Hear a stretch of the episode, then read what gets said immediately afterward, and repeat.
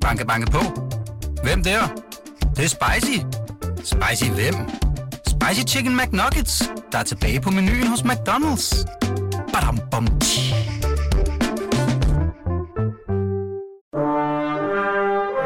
Du lytter til Radio 24 /7. Velkommen til Huxi og det gode gamle folketing med Huxi Bak. Rigtig hjertelig velkommen skal det også lyde her fra formandstolen i det gode gamle folketing, hvor jeg i vanlig stil vil erklære mødet for åbent. Og i samme åndedrag byder velkommen til mine tre gæster i dag. Øh, jeg tror, vi har et par gode timer foran os. Rigtig hjertelig velkommen, Anne-Marie Melgaard. Tak. Forhåndværende medlem af Folketinget for Socialdemokraterne. Rigtig hjertelig velkommen også til, ja, for gud ved hvilken gang, Niels Halman Olsen. Mange tak. Forhåndværende medlem af Folketinget for de konservative. Og særligt velkommen i dag, det kan jeg godt tillade mig at sige, Det kan vi. selvom I to andre er her. Det er også dejligt, I er her.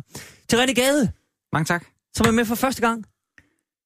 Forhåndværende medlem af Folketinget for øh, Alternativet skulle man have For ganske, svidt, for ganske svidt nylig, det ja. ud- For ganske nylig, ja. Alt vel, René? ja, tak. Jeg er sådan ved at udstå min øh, prøvetid sådan tre måneder efter, at jeg gik ud af Folketinget som almindelig borger igen. Skal vi lige øh, akklimatiseres? Man skal, man skal sluses ind i samfundet igen? Eller? Ja, vi sad og drøftede lidt udenfor, det var ret nemt for mig, fordi jeg ligesom vidste fra start, at jeg ikke skulle fortsætte mere end en periode derinde. Så Ja. det, har været, det har været nemt for mig, men jeg vil da sige, at jeg er ikke blevet mindre glad for at være politiker, efter jeg stoppede. Det var, det var ret fedt at være i Folketinget. Fornemmer jeg et return? Nej, men jeg vil sige, det var godt, jeg sagde til alle, også alle medier, alle dem, jeg kendte fra start, at jeg ikke skulle fortsætte, fordi jeg skulle nok godt have fundet på at fortsætte. okay, du og jeg synes, det, kan, jeg synes, det kan mening at, at stoppe nu. Okay. Back to center. Jamen, det, er prøv at høre, og, det, og jeg er jo glad for, at I gør det, fordi så, så er der jo øh, bemanding her på skibet. Og det er så godt. Se, i dag har vi en, øh, en plan, der handler om øh, primært tre ting. Klima, smøger og formandskabet i Venstre. Og jeg ved godt, at formandskabet det er et ord, man skal bruge øh, forsigtigt, når det kommer til Venstre, men øh, nu gør vi det alligevel. Og det er simpelthen også der, vi starter, fordi Ja, som jeg, jeg, jeg, talte, jeg var lige inde og tale med, med morgenverden Knud Brix, og sagde, at vi skal jo tale om, om formandsvalget i Venstre. Han tog ud som om, at det, han, altså det, som om det var to måneder siden. Og i betragtning af, hvor meget vi talte om det op til, så er det nærmest som om, nu har vi allerede glemt det, og det var i lørdags. Altså, det er lige sket. Ja. Så øh, jeg synes lige, vi samler op på, ja, for det første at konstatere, at Venstre nu har fået en ny formand, Jakob Ellemann Jensen, og en ny næstformand, som blev Inger Støjberg, ret overbevisende sejr på det ekstraordinære øh, landsmøde. Jeg tror, det var sådan noget fem- 500 nogen stemmer mod 200 nogen stykker. Hun fik 73 procent af stemmerne. Det er alligevel noget, Ja. må man sige. Men, øh, Niels Halman Olsen, hvad, øh, øh, skal vi starte med sådan helt godt eller skidt? Jamen, det er jo godt for Venstre. Øh, og det er jo egentlig forfærdeligt, man skal sige, det er godt for Venstre at være sluppet af med Lars Lykke. Men det er jo det, danskerne sidder og siger, og det er, også det, de, det er også det, de delegerede sagde. Og øh, jeg tror ikke, de kunne finde nogen, øh, nogen øh, mere relevant og nogen mere øh, aktuel person end, øh, end Jakob Ellemann Jensen. Og han er blevet båret frem på skjolde, fuldstændig uden modstand, ingenting. Det er gået godt for ham. Han har prøvet at hele tiden holde lidt kontakt til, til Lars Lykke, sådan stille og roligt, ligesom sådan en, så det ikke er en bombe, der eksploderer, kan man sige. Øh, og så har han jo så, øh, lagde han sig lidt hurtigt ud øh, sammen med Støjberg, og det øh, gav selvfølgelig, øh, det provokerede jo så til, at der kom en, en modkandidat, fordi der var så nogle i Venstre, der sagde, nej, nej, nej, nej, stop nu lige her. Og, og, og nu står han der og øh, skal i gang. Jeg tror, det er i dag, han har sin ilddåb med at skal er- sørge for at sætte sit hold. Lige præcis det. Jamen, det skal vi nemlig tale om. Og det vil blive nærlæst. Øh, og så har vi øh, så har vi det mærkelige, at, øh, at han er han står og siger, at han tolererer ikke det ene, og han tolererer ikke det andet, og jeg er død træt af sådan, og død træt af sådan. Jeg forstår godt, hvorfor han siger det, men jeg mener, det var virkelig uklogt. Fordi der er Altså, altså, bare lige for at være helt konkret på det. Han siger, at han er træt af, af fløjkrig, fløjkrigere. og nu skal Ja. det være slut, det her. Ja, til ser vi- præcision. Den helt klassiske, ja. nu ser vi fremad. Nu ser vi fremad. Jeg er træt af fløjkrige og fløjkrigere. Ja. Men er det ikke meget godt at få sagt? Jo, men Altså, man det skal har jo lige været huske, at af man, netop at man det. sekunder forinden har haft øh, netop en, øh, en øh, afstemning, hvor 207 mente det stik modsatte af den, der bliver valgt. Og det vil sige, de, det strider i hver sin retning. Han, ha, han havde ikke behøvet at spille så stærk mand, fordi dermed provokerer han jo det stille mindretal ude bagved. Der er ikke nogen, der skal frem og sige noget lige nu. Men nu har jeg jo selv haft lejligheden til at, at være, jeg vil ikke sige være en del af sådan en, en fløjkamp, men vi måtte i hvert fald, øh, øh, Hans Engel og hele det hold, jeg var med på, øh, vi, vi fik jo virkelig, vi blev vappet ud øh, øh, på, med føn og klem, øh, og hvad der var blevet sagt til hinanden i den fløjkamp. Og jeg tror også, Anne-Marie kan genkende det fra Socialdemokraterne. Når der er blevet sagt noget hårdt én gang, så hænger det på resten af livet, og måske næste generation med. Så man skal være så forfærdelig øh, forsigtig, og det synes jeg, han glemte at være lidt forsigtig. Det er måske et, et lille hår i suppen lige nu, men, øh, men overordnet set var det jo det eneste rigtige Venstre kunne gøre, og, og det er bare for at sige, at han vil blive virkelig udfordret. Han vil blive udfordret af kollegerne på Christiansborg. De, der har været inde, har rigtig stor, dyb indsigt med tingene, og det er ikke nok med lidt øh, friske bemærkninger her og der, men jeg synes overordnet set, det var godt for Venstre. Mm-hmm. Og jeg tror også, måske det er godt for det borgerlige Danmark. Men tænk, at skal stilles op og sige, jamen vi er en del af det borgerlige Danmark. Det behøver I ikke at være nervøse for. Og nu skal vi jo nok lede det borgerlige Danmark. Undskyld, de har altså lige kørt igennem en valgkamp, hvor alle de mennesker, som stod og klappede af Ellemann, ikke sagde en lyd. De accepterede jo at blive pisket ned i et hul, hvor de bare skulle pludselig skifte strategi og solgte alle deres borgerlige venner. Altså, det er ikke så nemt et scenarie, man sidder mm-hmm. med. Mhm. Prøv at se, der, der, der er lige to ting, jeg godt lige vil spørge om her. Øh, for det første, bare lige øh, gentage spørgsmålet, om ikke det er nødvendigt. Jeg ved godt, at så, så holder man en afstemning, fordi det er jo demokratiets vilkår. Ja. Så er der en, der vinder, og en, der taber. Men derfra så må man også sige, godt, det er sådan, brækkerne står, og herfra, så, så ser vi fremad. Og så skal vi ikke have flere fløjkrige. Det er vel, det er vel fair nok at sige, Renegade. Er det ikke det? Altså, må man ikke sige godt? Jo, det mener jeg da helt sikkert, og jeg, jeg tror, at, at øh, formandsskiftet i Venstre var helt nødvendigt. Uanset at jeg har siddet og, og været i rum med Lars Løkke på Christiansborg og haft dyb respekt for den måde, han agerede på som professionel politiker. Christian Jensen, der også var i spil. Hamrende arbejde som politiker. Men de var bare nået til et sted, hvor man også i erhvervslivet og alle mulige andre organisationer må tænke, hvis vi skal videre, så skal vi have udskiftet på den post, alle kigger på, fordi der var ikke samling. Mm. Og der tror jeg, at det øh, Ellemann gjorde, som jeg i hvert fald har forventninger til ham, det er, at han går ud, og så spiller han med fuldstændig åbne kort, så godt man nu kan i politik. Og der tænker jeg, så bliver han nødt til at, at, at, at sige meget klart, det er det her, der er holdet, det er den her retning, vi går. Og så vægtede jeg højt, at han sagde, at fremover, når de kommunikerer i Venstre, så skal de sige præcis, hvad de mener, men de skal sige det på en måde, hvor man ikke indirekte siger, at alle dem, der mener noget andet, er idioter. Det var et meget stærkt ord, han faktisk brugte i talen, men jeg synes, det var rigtig fint, og det håber jeg, at han holder ved. Fordi netop Ellemann er jo en, der er ekstremt stærk retorisk. Jeg selv fremhævet ham tidligere som en af de allerdygtigste, udover måske Lars Løkke retorisk. Men der kan godt være en, en, en lille snært af arrogance, når man også er så dygtig retorisk. Og der tror jeg, det er rigtig vigtigt, hvis man skal samle også fløjen internt i Venstre, at man holder fat i, at det er virkelig, virkelig vigtigt, at man samler, fordi partierne i Danmark, og de, i hvert fald de regeringsbærende klassisk, minder så utrolig meget om hinanden. Mm-hmm. Så man skal, finde, man skal virkelig ud og finde sit nye felt, og der tror jeg, det er vigtigt, og måske også rigtig fornuftigt, at de har taget Støjberg, hvad man så end må sige om øh, den måde, hun har ageret på som minister. Jamen, hun samler da i hvert fald øh, på mange måder dele af Venstre, sådan at det er en samlet pakke, og jeg tror også, at hun har en stor legitimitet i befolkningen, udover måske en øh, retorik, som folk har synes var forkert. Men, men vidner det ikke også om, at øh, Jacob Ellemann nok har taget den der snak om, hvordan i tale sætter vi Venstre og Venstres idéer nu? Han var jo selv ude og sige, der kommer ikke flere kager. Altså, det vidner vel om, at han måske lige har sat sig ned og drukket en kop kaffe med Inger og sagt, prøv lige at høre, nu skal vi fremad. Der er lige et par ting, vi ikke gør mere, uden at sige, at det var dumt, eller det var øh, godt, eller noget som helst. Og, og, Men, men vi kommunikerer ikke i kager mere. Og det er netop det, jeg mener, så, så åben og ærlig man nu kan være i politik. Mm-hmm. Og det, det er jo en kæmpe, et kæmpe problem, synes jeg, i politik, det vi kommer ind på det senere, at man simpelthen ikke kan spille med fuldstændig åbne kort. Hvis man nu kunne det, havde nogle af konflikterne i Venstre jo slet ikke fandtes, så havde de slet ikke stået med det problem, de havde mm. i dag, fordi de så kunne have fortalt, hvad det egentlig var, der var på spil. Det får man så at vide i bøger eller fortællinger her efterfølgende. Så jo, jeg, Ja, tror, da helt, jeg, jeg tror da helt sikkert, at Ellemann har sat sig ned og tænkt, hvordan kan vi lægge låg på det, der er sket, og så bygge en fremtid fremad, som forhåbentlig er troværdig for alle. Mm. Og der, der kunne han meget vel være den rigtige mand.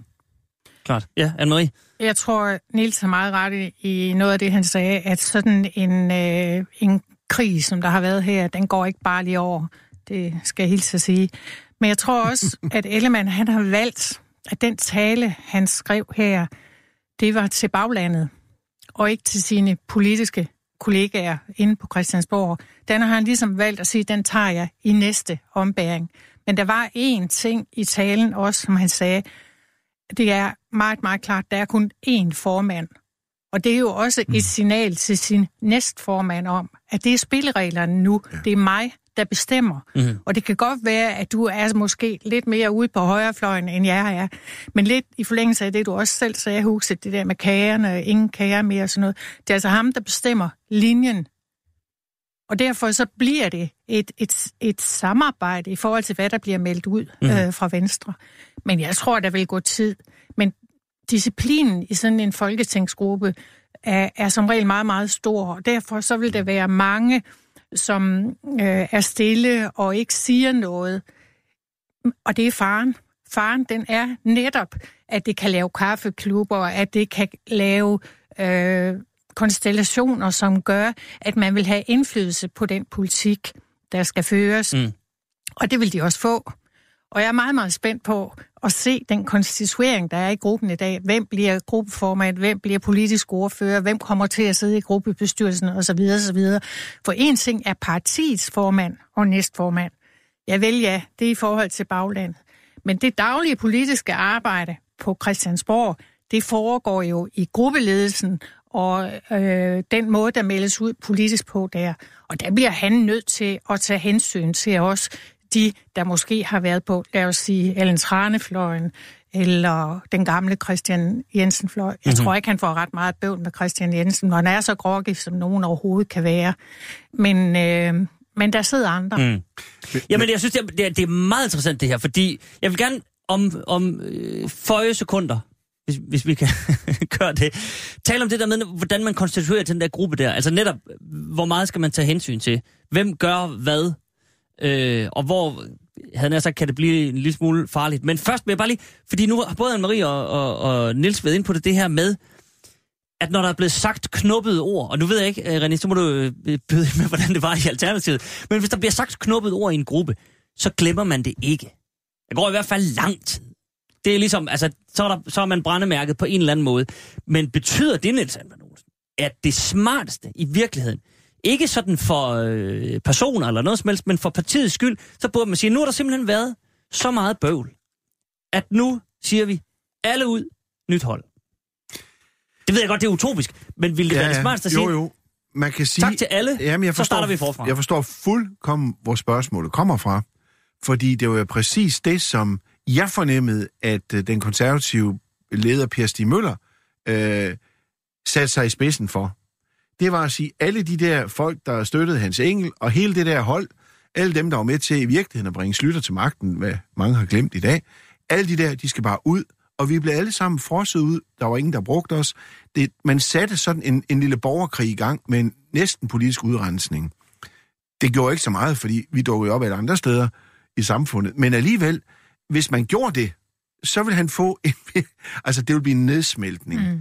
Og man skal også huske på, at de konservative modsætning til Venstre, vi fik den ballade på en nedtur, der hed Tamilsagen, og vores lytter var på vej ind i, i spillet halvvejs, ikke også, og hvor folk blev dømt omkring os, Grete Finger Møller og så videre, så videre, så videre. Vi sad, vi sad i en meget vanskeligere situation. Her er der en lille optur, men det er en falsk optur, fordi den er lavet på baggrund af et forræderi mod de borgerlige samarbejdspartnere. Og der mener jeg virkelig, at der bor altså, der nytter det ikke noget, at man tillader end Lars Lykke Rasmussen, Sverige PT, at gøre klar til at rejse rundt med et, ja, et arsenal af løsgående missiler, hvor han jo vil holde foredrag, tage penge for det oven i købet, hvad jeg synes er fuldstændig vanvittigt, men rejse rundt med sådan et foredrag om, øh, hvordan man skal lave en SV-samarbejdsregering, eller hvad det nu er. Han, altså han tager udgangspunkt i den bog, han har lavet med Kirsten Jacobsen, der tidligere var på Ekstrabladet. Det der, der kommer man op imod sig selv, og det er jo det, som ved at være sådan lidt frisk og lidt flink og lidt rar og sådan noget, hvis ikke han, han burde have sat det der fuldstændig på plads, og slet ikke har accepteret, at Lykke omfavnede ham. Og jeg kan godt garantere for, og jeg har talt med mange venstrefolk efter mødet derovre, der gik et sus, et gys igennem forsamlingen, da man ser en stor hilsen med lidt smørret grin fra en Lars Lykke. Den eneste redning, det var, at så kom der heldigvis en endnu bedre hilsen fra Anders Fogh Rasmussen, og så er det allerbedst, der kom en meget rørende, meget rørende hilsen fra Uffe Ellemann til sin søn, som jeg tror alle alle var meget glade for. Så glemte man lige det der, at Lykke også havde været med. Men det bliver problemstillingen, og derfor skal han virkelig vare sig. Men prøv, Og men kan- Niels, Niels man- du spørger jeg bare Ja. lige lige ud. Ja. Sidder du og siger, at Ellemann skulle have sagt, prøv at høre Lykke, ud med dig. Du Selvfølgelig. er slet ikke med i gruppen, eller noget som helst. jeg tager udgangspunkt i de spørgsmål. Man kan ikke udrense hele gruppen, mm. men man kunne godt have sagt til Lars Lykke, du svigtet. Problemet er, at de, der er jo ingen af dem, der rap. Der var jo ikke en, der sagde et ord i valgkampen. Det er jo der, de alle sammen er, er lidt nå, men det, med. det er jo så De- det, hvad hvis, hvad, hvis, hvad hvis det er blevet sagt, at han har sagt, at det er da ligeglad med? Han, ja, han har- sad jo på Danmarks Radio og TV2 i sidste søndag og sagde, at der er 40.000 mennesker, der har stemt på mig. Ja, men det, det, Altså- ja, men, men sandheden er jo den, at Lars Lykke er jo nødt til at forstå, at man er altid et parti, før man er en person. Hvis personen kommer før sagen i politik, og det gælder en Lars Lykke, det gælder en, gælder en Tulle, det gælder en alle mulige andre, så går det galt. Og det er det, vi har et eksempel på her. Partiet kommer over. Han er jo ikke opstillet i kraft af sin egen liste, der hedder Lars Løkke Rasmussen. Han er opstillet, fordi han er opstillet som leder af Venstre. Brandet er jo Venstre. Og det er der, Men, man, det, men det, han har vel ret i, at det er 40.000 personlige stemmer. Ja, hvor han, var, hvor han var statsminister og var formand for Venstre. Og nu tager han så det mandat, går han så tilbage til sit folketings, sin folketingsgruppe og siger, kære venner, jeg står til rådighed, jeg vil gerne være med i finansudvalget, jeg vil gerne være der, der, der, og jeg kører selvfølgelig med, som om alt var i orden, og alt er i orden. Man går da ikke ud og begynder at gå imod den linje, partiet nu lige har lagt, om at gå tilbage til det blå samarbejde, og så går man, fortsætter han af sit eget spor, og så tager han købe penge for det. Han får da penge af skatteyderne og borgerne til at passe et velbetalt job som folkevalgt de næste fire år plus pension. Men det bliver al indtægt bliver jo øh, modregnet. Og så ved jeg godt, så kan man sætte penge over. Ja, man kan sætte Ja, penge over i firma. noget med et skal- og så kan man, et jo, men nu siger nogle- det, Alle ved, mulige. Nej, nej. det Altså, ved vi jo ikke endnu. Jo, jo, men det jeg siger... Men altså, ah, vi skal godt lige lade Jeg er bare- jeg er lidt bare- tvivl komme ham til Jamen, gode jeg synes, trods af jeg alt. synes bare ikke lige nu. Jeg synes simpelthen... Jeg, jeg synes ikke, han kan være bekendt at køre det der race, øh, hvor han kører sig selv foran og sætter lidt tvivl om, om tingene, og nu vil jeg lige vurdere, og jeg vil lige holde øje med. Det opgør kommer de jo alligevel til at tage på et tidspunkt. På et tidspunkt bliver, bliver Ellemann nødt til at sige til Lykke, nu stopper festen. Og så kan han lande uden for nummer. Må jeg komme med en enkelt Det må du? Ja. meget gerne, René Gade. Vil jeg også gerne have engler. Ja, altså... Jamen, men vi har Ja, halvanden time tilbage, så Ja, det er der, det fint. skal nok. Jeg, jeg forstår fint, Niels, hvor det kommer fra i forhold til Lykkes regering her bagefter foredragsrækken, og det her det kommer måske lige lidt snært i forhold til, hvad der lige er sket, og en ny start, der skal til at ske i Venstre. Men i forhold til Ellemands værk som ny øh, formand, det, der tænker jeg, at man skal passe rigtig meget på med at gå ud og save det, det, det der var før over så hårdt, som jeg egentlig hører dig sige, at man, at man skal, fordi det, han skal ind og samle op på, er jo en meget, meget succesfuld, i langt de fleste venstrefolks øjne, i nogle af årene i hvert fald, politikere som Lars Løkke, så har der været nogle øh, misser, en masse af dem måske, og nogle fejl, nogen, der ikke kan lide ham for det ene og det andet. Men når man går ind og kigger på, hvem der står i spidsen af et parti, og en leder alle mulige steder i samfundet, der er nogen, der kan lede, der evner det, og så er der også nogen, der godt tør. Og den kombination er meget, meget unik, og det jeg selv har oplevet i, i Folketinget, det er, at hvis man er uenig med toppen, både i Alternativet eller alle mulige andre partier, så synes jeg, det er meget, meget væsentligt, at man har en løsning med i baglommen, når man ytrer den kritik. Så hvis man ikke tør gå frem og sige, prøv at høre, jeg er utilfreds med det, du gør, jeg mener, at vi skal i en anden retning, og jeg stiller mig selv til rådighed, så har jeg ikke ret meget respekt for dem, der kommer og ytrer deres frustration over for en leder. Og her tænker jeg, man har været tilfreds med Lars Løkke, i hvert fald i en grad, sådan at man ikke gik op imod ham mm. på, en, øh, på en måde, der er virkelig battet. Så hvis man så her bagefter retrospektivt siger, alt det der, du ikke gjorde godt nok, det vil vi godt lige lønste for nu. Der synes jeg, det er meget fint af Ellemann, også for hans egen fremtid og Venstres, og så sige, jeg snakker ikke så meget om det, jeg anerkender det gode, og så videre, fordi, øh, jeg kan ikke huske, om det var Aristoteles eller en af de større tænker, der, der sagde engang, altså, hvis der er nogen, der skal udstille sig selv, fjolser eller idioter, eller hvad man nu siger, det skal nok komme med tiden. Der er ingen grund til at stå og gøre det, fordi så bliver det lidt som om, han står og peger fingre bagud. Så der synes jeg faktisk, at det er meget fint, at han prøver at anerkende det, der har været. Også fornuften i det, han måske sagde med en Venstre, Venstre S-regering på det tidspunkt i valgkampen, selvom den også var meget i egen interesse øh, borgeren, ikke? Fordi det er da det, vi ser. Det er da det, jeg selv synes, jeg gik ind i politik for i sin tid for fire år siden. Det var da fordi, jeg synes, det var vanvittigt med de her fløjkrige, blå mod rød. Det er jo faktisk bare det, han lægger op til. Så siger han det med lidt mere magt, end, eller lidt mere vælge måske, end også der kom fra Alternativet, og sagde, nu kunne vi godt tænke os at gøre med blokpolitikken. Men, men det, han kom med så sent i valgkampen, Ja, ja, bliver lidt præcis. uinteressant. Det- Men, men timing, den kan, den kan Ellemann jo ikke gøre op med nu, fordi det bliver meget vel det, der kommer til at ske i de kommende år, at de kommer til at arbejde meget mere sammen på tværs. Så kan han, han kan ikke gøre fuldstændig op med den tanke. Anne-Marie Melgaard. Ja, jeg tror simpelthen ikke på, at øh, Lykkes udmelding omkring et øh, SV-samarbejde var det, der flyttede 8-9 mandater i forhold til folkevalget, som fik Lars Lykke til at ligesom øh, sejle videre og tro, at han kunne blive statsminister en gang til. Det handlede også om Dansk Folkepartis nedtur, at der var nogle venstre vælgere, der kom tilbage osv. osv. Jeg tror, Lykke han tog helt fejl af, at baglandet, de synes, det var et forræderi. Nu har de stået på gader og stræder i en 3-4 uger og knoklet på for, at det her det skulle være en valgkamp, der skulle øh, handle om at sable Mette Frederiksen ned. Og så dagen før et valg, så kommer han og siger, at nu vil han have et SV-samarbejde. Vel vil han da ej. Han vil bare selv være statsminister igen. Det var det, der handlede om, og ikke en skid andet. Jeg tror også, at Lars Løkke han er fuldstændig ligeglad med det her, for jeg er enig med det, Niels han siger, at Lars Løkke han gør ikke noget med mindre, det er noget, der kan gavne ham selv. Jeg synes også, man skal se på den der øh, Twitter, han kom med øh, aftenen før det hele skulle starte igen, det er, at nu vil han fortsætte, og han vil have nøglerne til statsministeriet tilbage, mm. og så videre, og så videre. Det var da totalt orkestreret med Claus Hjort, og det så man da tydeligt i forhold til det, at Claus Hjort går ud på det møde øh, efterfølgende og siger, at nu skal nu skal Christian Jensen gå af som næstformand, fordi han er kommet ud og sagt, hvad jo var fornuftigt set med Christian Jensens øh, øjne, at, at han øh, som formand ikke vil komme øh, i en situation, hvor han vil forberede og anbefale et SV-samarbejde. Mm. Altså, jeg synes, der er nogle facetter i det her, som man, man ligesom glemmer i, i det her. Og når man kender mm. Lars Lykke så godt, som i hvert fald både Niels og jeg gør, så, så har vi måske nok en ballast med os i bagagen, der gør, at vi sætter tvivl øh, ved mig af det her. Men det hindrer jo ikke, at Ellemann gør det rigtigt, og der er faktisk mm, lidt mm. enig med dig, øh, René, at han, han, han skal jo være, han går jo på et knivsag her, ikke? fordi han skal jo have Lars Lykke i folketingsgruppen resten af tiden. Og det kan jeg i hvert fald skrive under på, at det er ikke nemt, når man har. Jeg husker tydeligt Nyrup og Augen, hvor vi jo havde en, en Nyrup, da han havde vundet, der, der var den politiske leder for os og så videre. Og hver eneste gang, han er kommet med sin melding, og så kom Svend Augen med sin, ikke? Og det er jo en hver ny formandsskræk, det er, at der skal sidde en gammel formand eller en tidligere formand bagefter og sige, jeg har altså en anden dagsorden der, og den skal gruppen også lige have. Så det er der, balancen ja. kommer men er, det, men er det ikke en hård dom over Lars Lykke? Guderne skal videre, der med alle guder, der, hvad mænd, der nu må lytte med.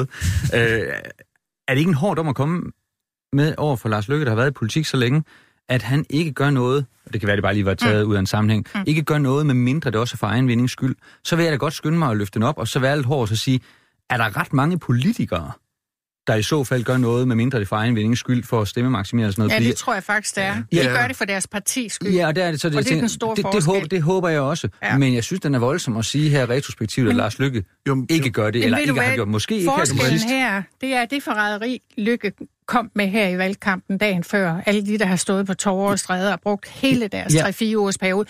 Det var dråben. Ja, og min det var simpelthen dråben. Og, og min pointe og hele min grund til, at jeg synes, politik mm. er så interessant i de her år, det er jo, jamen er det vælgerforeningerne, man skal være til gavn for, eller er det Danmark? Det kan jo være Lars Lykke, og hvem end det nu må være politiker. Jeg er ked af, at det bliver hængt op på Lars Lykke som mm. den store bannerfører for det her nye demokrati. Mm. Men tænk nu, hvis han har set, at det faktisk ikke nytter noget længere at kunne koncentrere sig om at komme af med oppositionslederen over på den anden side, men at det bedste for Danmark vil være noget andet, så synes jeg, det er mere interessant at tænke på, at der er x tusind venstre medlemmer, der skal blive glade, end at det går godt for Danmark. Der synes jeg, der er en pointe, som man måske kommer til at se mere og mere de næste par år. Der er så få medlemmer i de danske partier. Det er da ikke dem, vi skal føre politik for i Folketinget. Men de altså, skal have respekt og ja. Hvis det var det, det handlede om, så er jeg fuldstændig enig ja. om. Men det tvivler jeg bare stærkt ja. på. Men Anne-Marie og, og, og René og Niels, lad, vi kan jo godt lige, lige tage den del af det. Fordi hvis vi lige spoler tilbage og tager huske hatten på, så sagde Lars Lykke jo faktisk, han gik ud med en grund til, hvorfor han pegede på det her SV-samarbejde. Så kan vi sagtens blive enige om, så den runde behøver vi ikke at tage. Øh, øh, elegancen i det var ikke øh, kom smuk. Sent. Det kom meget sent. Han glemte lige at sige det til Christian Jensen. Der var mange ting, man godt kunne have gjort anderledes. Det sagde han, har han også selv ligesom sagt, at, at koreografien kunne godt være øh, bedre.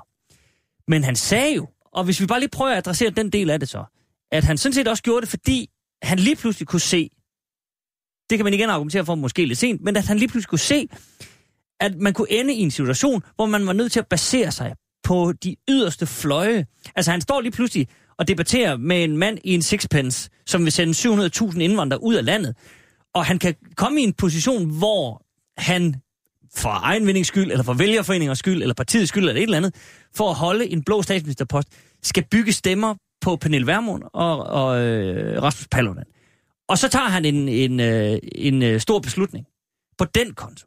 Niels Hermann Olsen, den, bare lige, hvis vi bare lige starter, og hvis du kan, og forholde dig kun til det til en start, Ja. det er vel, det er vel rigtigt nok. Jo, men det er jo tillægge Paludan alt for stor indflydelse. Altså, Jamen, det ja, det, jo... jamen, jamen Niels, men det jo- kan, det kan vi se nu. Ja, men det men vi vi er vel også- enige om, at der var, Jo. der var, der var målinger, hvor han stod til, til, Jo, jo. til en 6-8 mandater, og det ene og det andet, ikke? Men derfor sælger man ikke sine venner.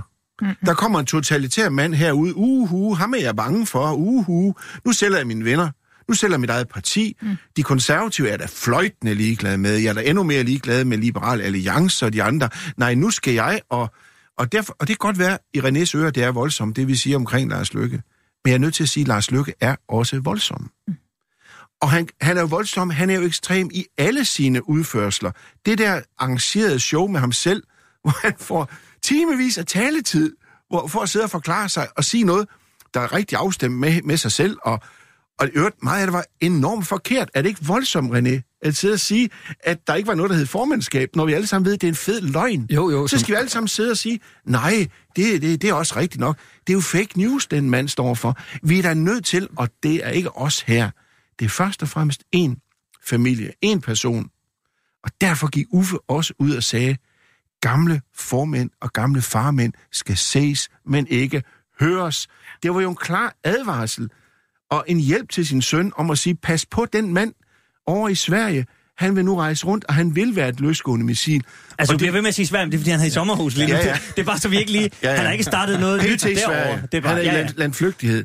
Øh, men- og han har jo ikke tænkt sig, at han har ikke vist sig på, i Folketinget. Han har ikke tæ- tænkt sig at passe det parlamentariske arbejde. Det er da Jamen, også nu er det jo strengt taget ikke åbnet endnu. Nej, Nej, men man deltager der i gruppemøderne, og man går der ind og, og, og, og spiller en aktiv rolle, og derfor bliver det spændende at se, hvad udvalgsposter Lars Lykke får i dag. Mm. Det er meget, meget interessant. Om nogen. Men, men Om Niels, nogen. Det, det, er jo, det er jo netop, det er ikke for at forsvare hans ageren. Øh, det er simpelthen bare for at sætte et stort rødt advarselsskilt op, sådan at befolkningen, lytterne og selv politikerne, det kommende folketing, ikke tror, at den måde, Lars Lykke agerer på her, er meget, meget sjælden i politik. Det kan godt være, at han er voldsom, men min klare erfaring for de sidste fire år i politik, det er, grunden til, at det virker så voldsomt, når han gør det, det er fordi, han gør det, der er det politiske spil, så umanerligt godt. Han gør det til perfektion, så det virker. Han får taletiden. Han får løsningerne igennem. Ikke lige nu, men indtil nu. Så jeg vil bare løfte fladet for, at det, han gør, det er det, langt de fleste politikere forsøger at gøre. De er bare ikke lige så dygtige til det. Og så kan vi være enige om, at det er da godt nok skidt, at det politiske spil skal fungere sådan. Også, også fordi, jeg synes, nu har, nu har Anne-Marie og jeg jo set nogle tidligere ministre, statsminister, og, og nu har han jo tit citeret for det slutter med at sige, at det er ikke svært at blive statsminister, men det er sæko med svært ikke at være statsminister længere. Mm. Og det er jo præcis det, vi ser nu udspille sig. Prøv at se, hvordan Anker Jørgensen formåede at gå tilbage i rækkerne. Jeg husker Anker Jørgensen selvfølgelig også som statsminister. Jeg var lige helt ny, da han var statsminister, ikke? Men så gik han ned i rækkerne, og han tog sig han nød at være i Nordisk Råd. Han nød at være rundt blandt os unge. Han tog, deltog i arbejdet, og han var ikke bare for sit eget parti en inspirator, men også for os andre. Øhm, og så havde vi, øh, vi havde jo så den der sag med Slytter og det hele, og Tamilsag, og puh, og hvad gør vi nu? Og, og øhm, der tog vi da også en snak med, med Poul Slytter om det, og sagde, du, øhm, fordi det var da ikke, fordi han synes, det var sjovt. Men, men Slytter valgte jo den, den, den rigtige løsning ved at sige, jeg indmelder mig stadigvæk og, og arbejder i partiets øh, interesse, og, og øh, tager så en, en ordentlig tørn nede i øh, Europaparlamentet, og fik jo en kvart million, over en kvart million stemmer. Tak for hjælpen.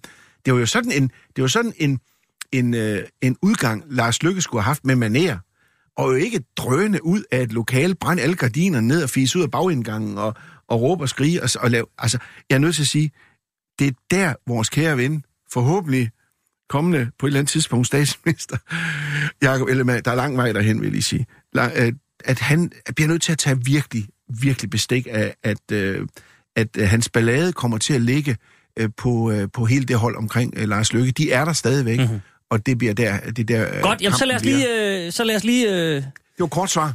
det skal jeg da love for. Ja. Jeg sætter lige en tankestreg her på mit papir, Og så siger jeg til øh, nye lyttere, som måtte have tunet ind nu, at øh, det her det er Radio 24 Du lytter til det gode gamle Folketing. Jeg har i dag besøg af Anne-Marie Melgaard, René Gade og Niels Anmal Olsen. Og vi er nået til det sted, hvor vi nu skal prøve at se... Nu har vi, vi har set meget tilbage, og det er jo det, vi gør her i det gode gamle af til.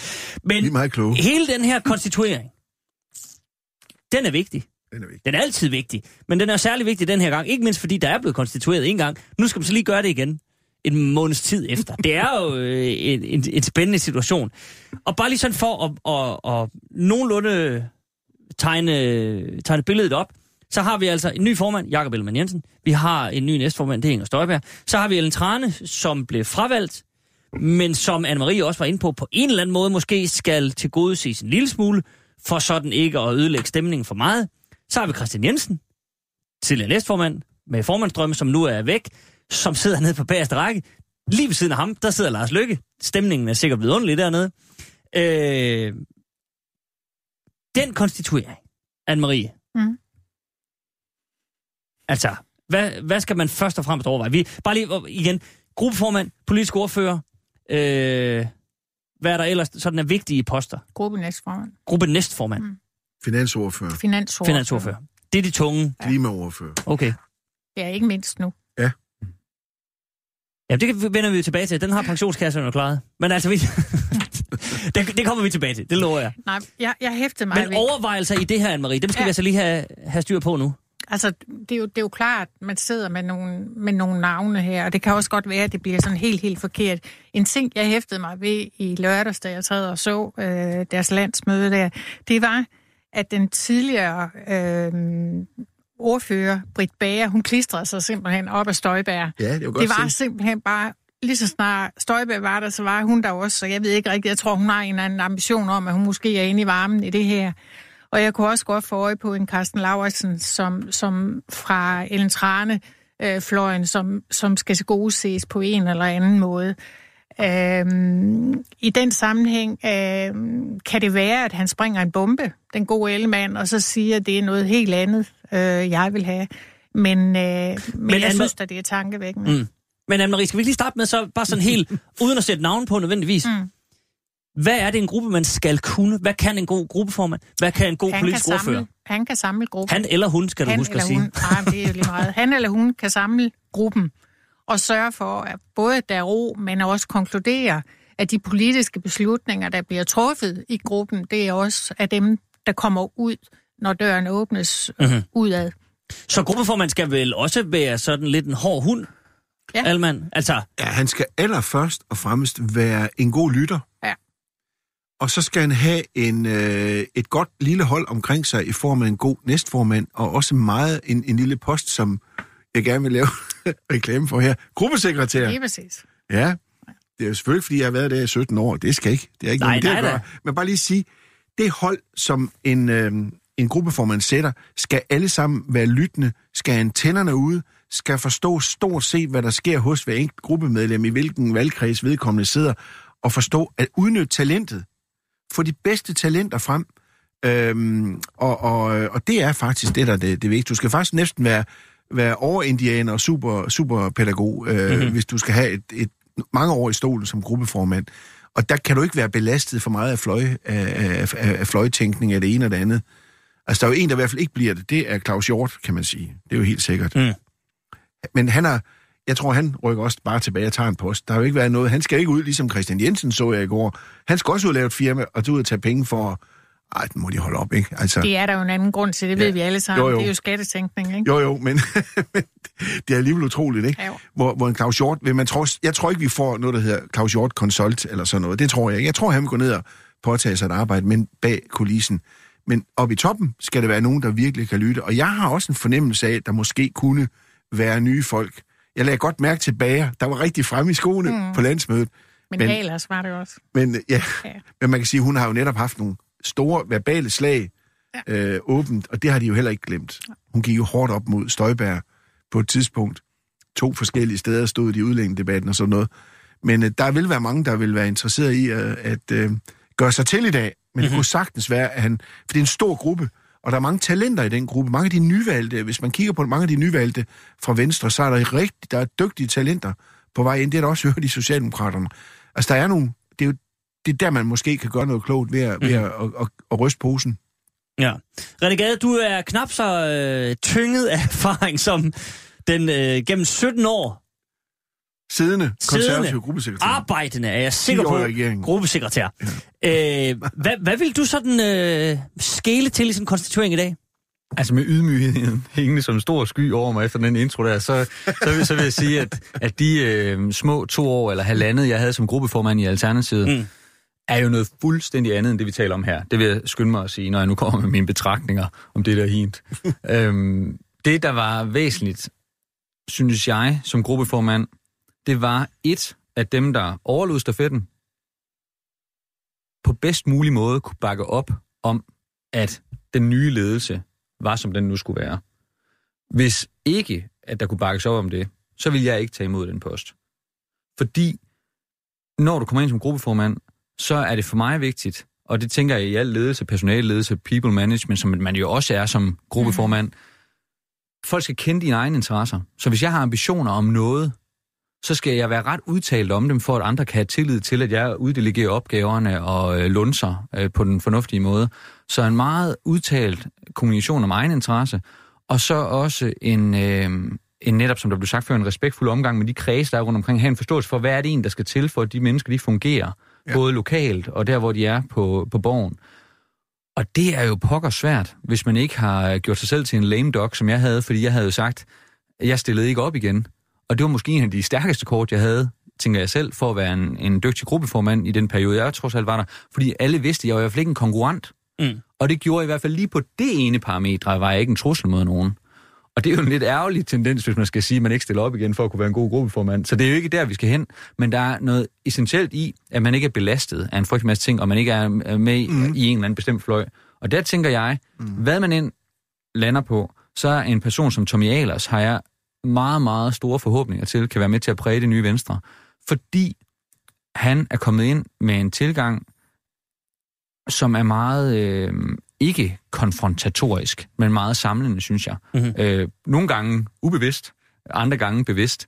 Og jeg har faktisk ikke set ham endnu være ude på de her klassiske angreb, som jeg allerede nu ser fra den afgående regering i forhold til S og den nye regering, med ting, man synes er for dårligt, de ikke gør nu, som, den, gamle, som den gamle ja, regering, altså som den gamle regering ikke engang selv gjorde, men nu angriber man. Ligesom altså, man kender det fra politik, hvor man, når man ryger i opposition... Altså meget klassisk, at så snart man er nede af taburetterne, så råber man løftebrud ja, over om, i den anden om, om, det, man faktisk ikke engang selv gjorde ja, noget Ja, men det er helt... Ja. og og der, der, jeg har ikke set det nu med Tommy Ahlers, så det er jo svært at holde sin stil fuldstændig ren, men jeg har en idé om, at hvis han kom ind i en ledende post der, så ville han have så meget på spil i sit liv uden for politik og sit brand som person, at han ikke ville sætte det på spil for at vinde små sejre politisk. Mm. Og det er nu nogle gange også det, der er væsentligt, synes jeg, at folk har, har et eller andet, de ikke tør miste. Der er simpelthen noget, der har endnu større værdi for dem, end at nå en post politisk nu og her.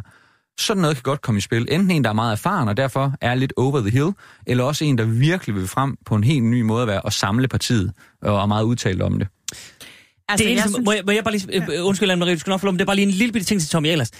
Er der en... Nu har vi jo bare hørt, hvor meget øh, fnider og, og, og brændemærkninger der sådan kan være. Kan der være en lille ting, ved Tommy Ahlers, nemlig at han er blevet hævet ind af Lykke. Han ligesom var sådan, han var Lykkes øh, foretrukne. Han sad som formand for Lykkes Disruption Råd. Han er ligesom, på mange fronter står der jo Lykke på ham. Altså, Jamen, jeg, jeg, jeg tænker egentlig ikke, folk associerer ham så meget, uden for Venstre i hvert fald, mm. med, med Lykke. Folk udefra tænker jo, at det er meget svært at angribe manden, fordi han har været en succes i det erhvervsliv, han kom fra. Mm. Da han så kommer ind i politik, er han faktisk ret ydmyg, er populær på den modsatte fløj, fordi det også er meget svært at angribe ham for ikke at være dygtig, fordi man jo ikke kender ham som politiker endnu. Så jeg tror ikke, det bliver et stort problem. I hvert fald ikke eksternt. Jeg ved ikke internt i Venstre, Nej. om det er et problem. Jeg ser det mere som en new beginning for ham. Mm. Fordi det er først nu, han skal til at opleve, hvad det vil sige at være folketingsmedlem. Altså, det er først nu, han er blevet valgt, kan ja, man i hvert fald sige, ikke? ikke? Og, og ydermere, så er han jo opposition Altså han blev øh, hævet ind som minister og fik starten som minister og fik alt det der glamour med sig, som det nu var at være minister. Ikke også? Vi andre, vi ved godt, hvad det vil sige at sidde nede bagved på bagsrække, som han gør nu som folketingsmedlem.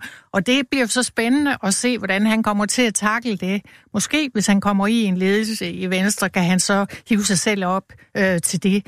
Men jeg kan ikke forestille mig, at han har temperament til at sidde nede på bagerste række i fire år, måske otte år, eller hvad vil jeg, for at, og ligesom at være ordfører for et eller andet i et, et tilfældigt udvalg eller sådan noget. Det har han fået en helt forkert start i politik til at kunne gøre. Jeg synes faktisk, at historien fortæller, at mange af de ministre, der har været tidligere, som er blevet håndplukket udefra og kommet ind, altså de har forladt politik. Tag en Carsten Kok, tag en Ove Hygum og så videre, og så videre. Altså, de bliver ikke politik.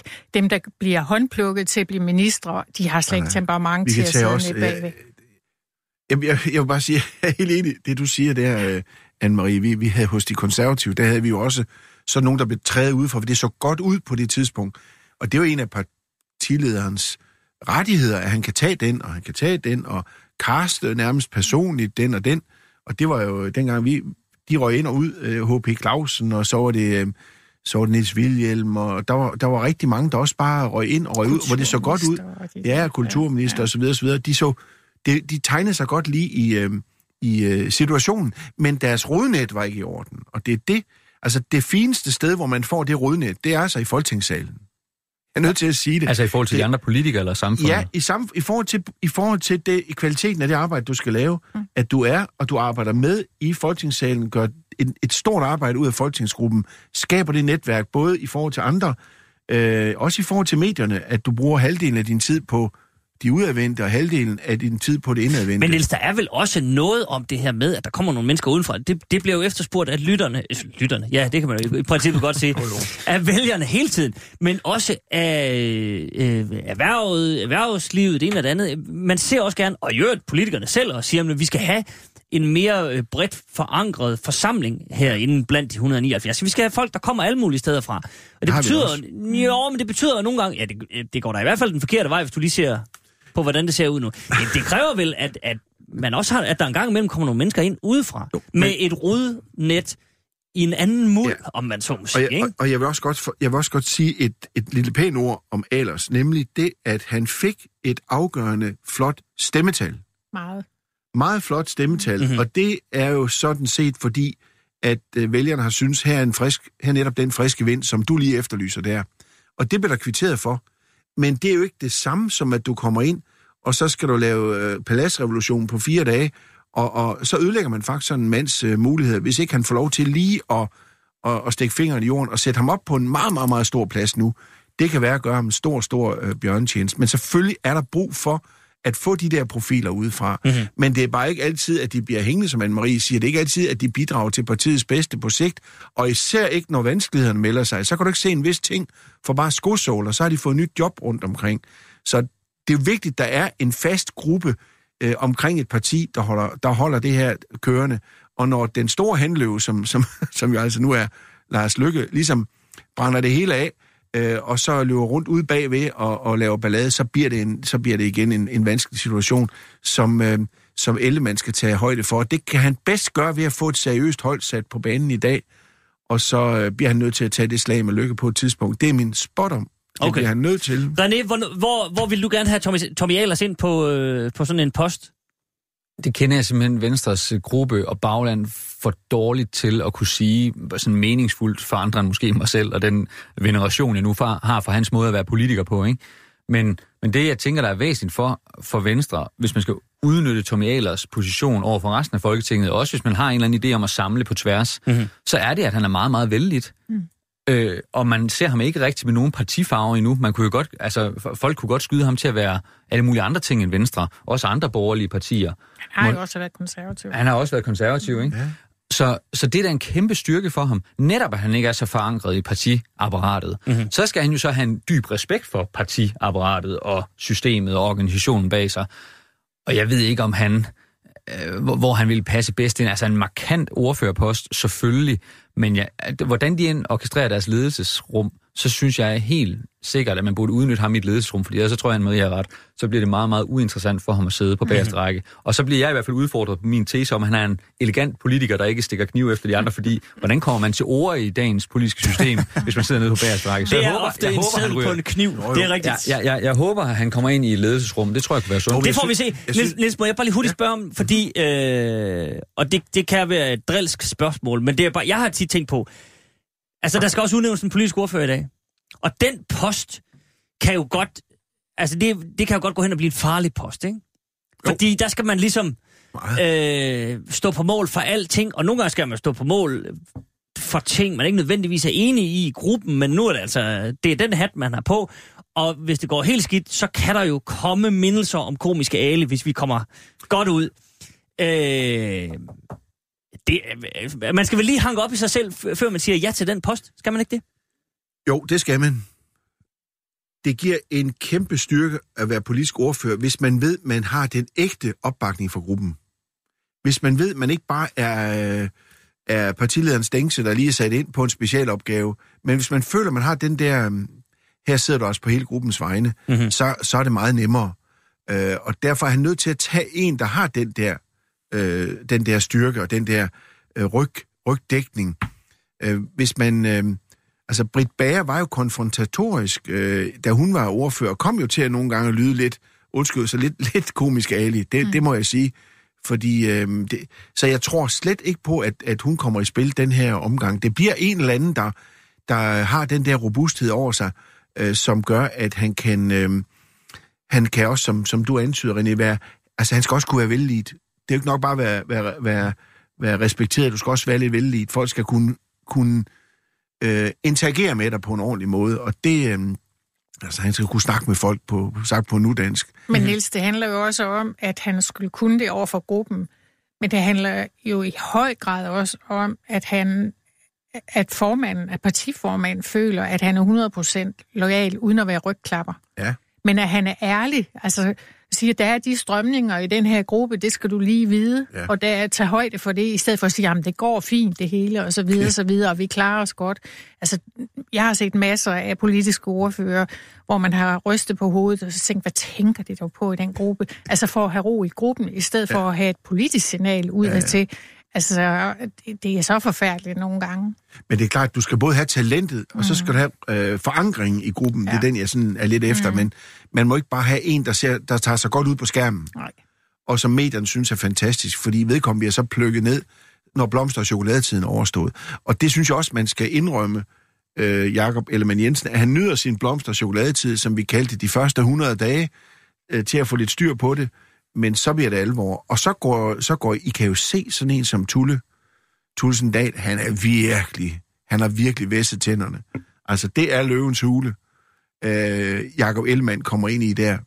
Og der er ingen tvivl om, at øh, Tulles selvbevidsthed, og Tulle har jo slet ikke glemt sin storhedstid endnu, og han kan slet ikke forstå, at han har tabt så mange. Altså, var det ikke 30 mandater, både ham og, øh, ny, og, og Liberal Alliance tabte? Det, det har han slet ikke fattet endnu. Han snakker stadigvæk som om... 21 mandater mistede Jamen, DF, ikke? 21, det er jo voldsomt, men mm. det, det er helt gået hen over hovedet på Dansk Folkeparti. Men han har jo også skrevet historie, ikke? Altså, jeg kan ikke mindes, at der er noget som helst andet parti, der har mistet så mange mandater, hvor øh, formanden på et landsmøde bliver klappet og genvalgt, af, som, som Tulle har utroligt. oplevet. Det er ikke fuldstændig det er, utroligt. Det er virkelig det, skrive det, kan man, historie. men det, det kan man jo ikke men derfor, noget ved. Altså, men så det er jo- tror, Nej, så det er vil da fantastisk. En, en, en Jacob Ellemann Jensen vil jo normalt sige, nu er jeg her, nu er jeg valgt med mit store bagland, jeg har vinden i ryggen, og jeg har godt nok Lars Lykke derude, hu, hu, hu, men nu er jeg her.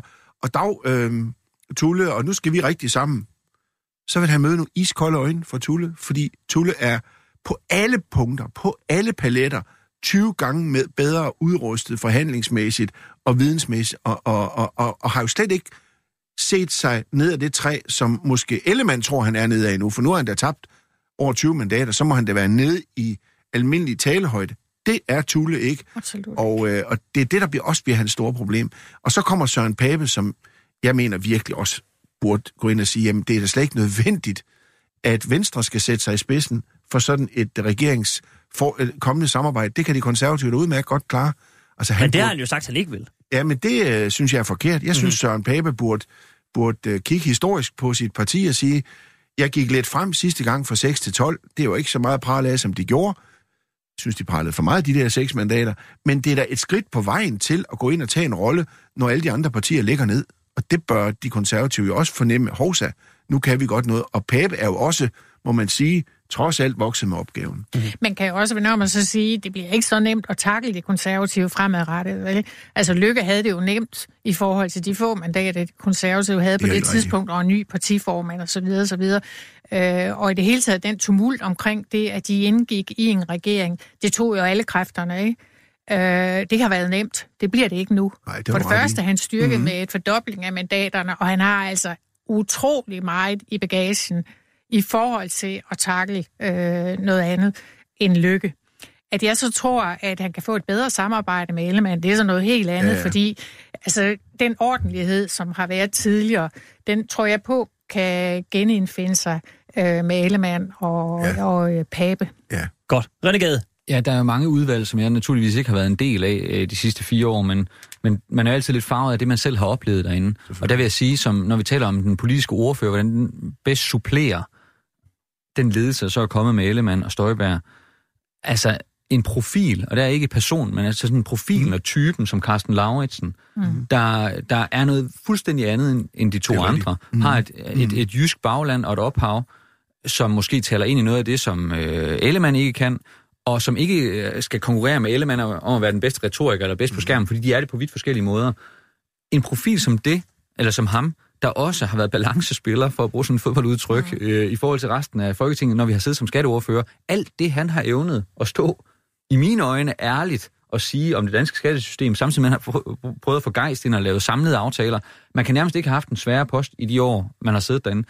En profil som ham, tænker jeg godt kunne gå ud og være en ny type politisk ordfører for dem, fordi man jo ikke skal have en, der skal konkurrere med at være lige så god som Ellemann var, eller Britt Bager i den korte periode på hendes måde. Mm. Så, så en, en profil, der er meget nøgtern, meget ærlig i sin retorik, og som måske også har lært lidt af at være minister. Han har da selv sagt en gang imellem, at, at han selv måske var lidt hård, Carsten Lauritsen, dengang han var ordfører, angreb på samme måde, men nu som minister er han ligesom blevet polstret og har også et ansvar. Så det er jo bare for at byde ind med, når man sætter sådan et hold, så en politisk ordfører kan godt være en helt anden type, end den, der tidligere har været valgt, fordi den nye leder er så markant anderledes. Ikke? Jeg tror selv, at jeg ville kigge i den retning, hvis det Ja. var mig.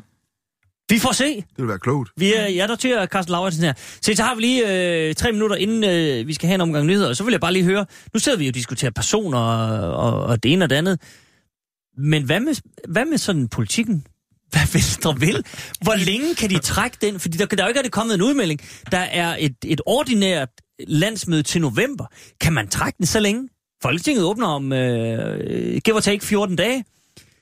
Der skal man vel have et eller andet klar, René? Skal man ikke det? Jamen, jeg tænker slet ikke, at alt det, der har foregået de sidste par måneder, har haft at gøre med politik. Altså, Jamen, det har det jo heller ikke. Nej, Altså, præcis. Og Det har derfor, været så tror jeg- personspørgsmål. og- og- Der er og- ingen konkret politik Nej, og, og derfor tænker jeg heller ikke, at det er så væsentligt at få styr på nu at have det personerne, men det er tilliden til den nye ledelse, der er. Politikken, jamen, jeg kan heller ikke høre, at den kommer til at ændre sig radikalt. Altså, øh, Så, men jeg tænker bare, undskyld, jeg afbryder, men det er Ja. bare, du ved, der er en åbningsdebat lige om lidt. Man skal jo sige et eller andet. Ja, men der er ingen forventninger til, tror jeg, fra baglandet om, der kommer en ny kurs. Den, den kurs, der ligesom blev sat som overrasket der øh, af lykke, den, den er der jo ikke længere. Det er jo noget umiddelbart. Så jeg tror egentlig, der er ret stor tryghed i, at det er den samme politik, som man har kørt med hele tiden, og man har ikke ændret holdet fuldstændig, som du også sagde, Niels. Så der, så, så der er ikke sådan, der er ikke virak, der er ikke sådan uh, disruption. Det er kun på personniveau. Nu skulle tilliden så gerne være genskabt, og så må man forvente, at de kommer ud med stort set det samme program, som det, de har forsøgt at gennemføre i regeringen, mm-hmm. tænker jeg. Det tror jeg også er nødvendigt i forhold til en åbningsdebat. Altså, hvis, hvis Ellemann han skal ud med noget nyt, og det skal han selvfølgelig, så bliver det først i november, altså på deres, øh, deres landsmøde, altså hvor han til den tid har trukket noget nyt op. Og det, han vil gøre ud fra det, det er sådan set at se, hvad er det for meldinger, alle de andre partier kommer med i åbningsdebatten, og så først der ligesom lægge sig på, hvad er det for en linje, vi vil køre fremadrettet. Det er meget fornuftigt. Det er også sådan, man laver finanslov og sådan noget. Man lytter til på åbningsdebatten, hvad alle de andre siger. Det er ligesom køb og salg, du ved. Altså man går ud og siger, her vil jeg godt være med, her vil jeg ikke være med, og det er så det, han vil præsentere i november. Okay. Ellemann, øh, Ellemann, Alman. Ja, det, Det er anden gang, jeg laver den fejl i dag, det kan jeg lige så godt indrømme, men det, øh, Det bliver ligger kun lige... mellem os og lytterne. Ja, præcis.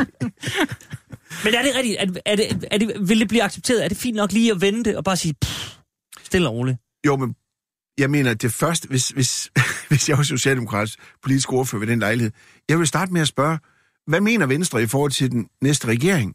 Hvor ligger Venstre? De vil da bore rundt, og der vil der blive en fest og en farver uden sidestykke i den åbningsdebat om, hvor ligger Venstre politisk. Mm-hmm. Han, bliver nød, han bliver tvunget til at afsværge sig sin tidligere formands holdninger og om bogen og, og SV-regeringen osv. Det bliver en fest uden sidestykke. Så der, der er allerede masser af politik på, Mhm. på banen, fordi det er jo, hvor skal jeg lægge mig politisk? Mm. På den ene eller på den anden? Jeg kan love jer for, de er i gang med at forberede. Godt. Jamen, så er der styr på det. Mm. Sådan set. Nu skal vi se, vi får en øh, omgang øh, nyheder om 15 sekunder, men når vi vender tilbage, så er der to øh, varme kartofler. Nærmest sådan helt øh, øh, konkret. Nemlig cigaretter og klima. Og det bliver meget konkret. Det er på den anden side af øh, nyhederne. Og så har jeg en lille ting med i posen, hvis vi når det. Men øh, det ser vi på. Nu er der nyheder. Du lytter til Radio 24 /7.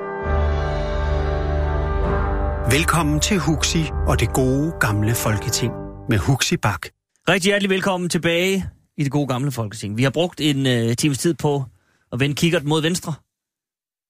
Sådan lidt, hvad der er sket, men også, hvad der skal ske. Og øh, jeg tror ikke, at der er ikke blevet konstitueret nogen endnu. Eller det kan være, at de sidder og, og, og hygger sig med det. Og så bliver der øh, meldt noget ud i eftermiddag, og så kan jeg forsikre, jeg skal nok samle op det er bare om en uges tid. Frygt ikke. Det lover jeg. Men øh, for nu skal vi vende øh, blikket et helt, helt, helt andet sted hen. Vi skal nemlig forbi klimaet og cigaretter i løbet af den næste time. Og vi starter med øh, sidstnævnte, nemlig cigaretterne. Øhm, af en eller anden årsag, så blev cigaretter og prisen på cigaretter en kæmpe stor ting i valgkampen. Så stor en ting, at Lars Løkke, som vi, øh, vi talte om i sidste time, under en af de her partilederrunder øh, klage over, hvorfor vi skal tale så meget om prisen på cigaretter. Øh, og det kan da også ske, at det, det fyldte utrolig meget i forhold til, til alt muligt andet. Men det gjorde det af en eller anden årsag. Øh, Mette Frederiksen melder så i starten af øh, valgkampen følgende ud. I må faktisk godt lige tage øh, hørebøffer på, for jeg har et lille bitte klip med. Det er Mette Frederiksen, som øh, står på en gågade midt i øh, valgkampen og siger følgende.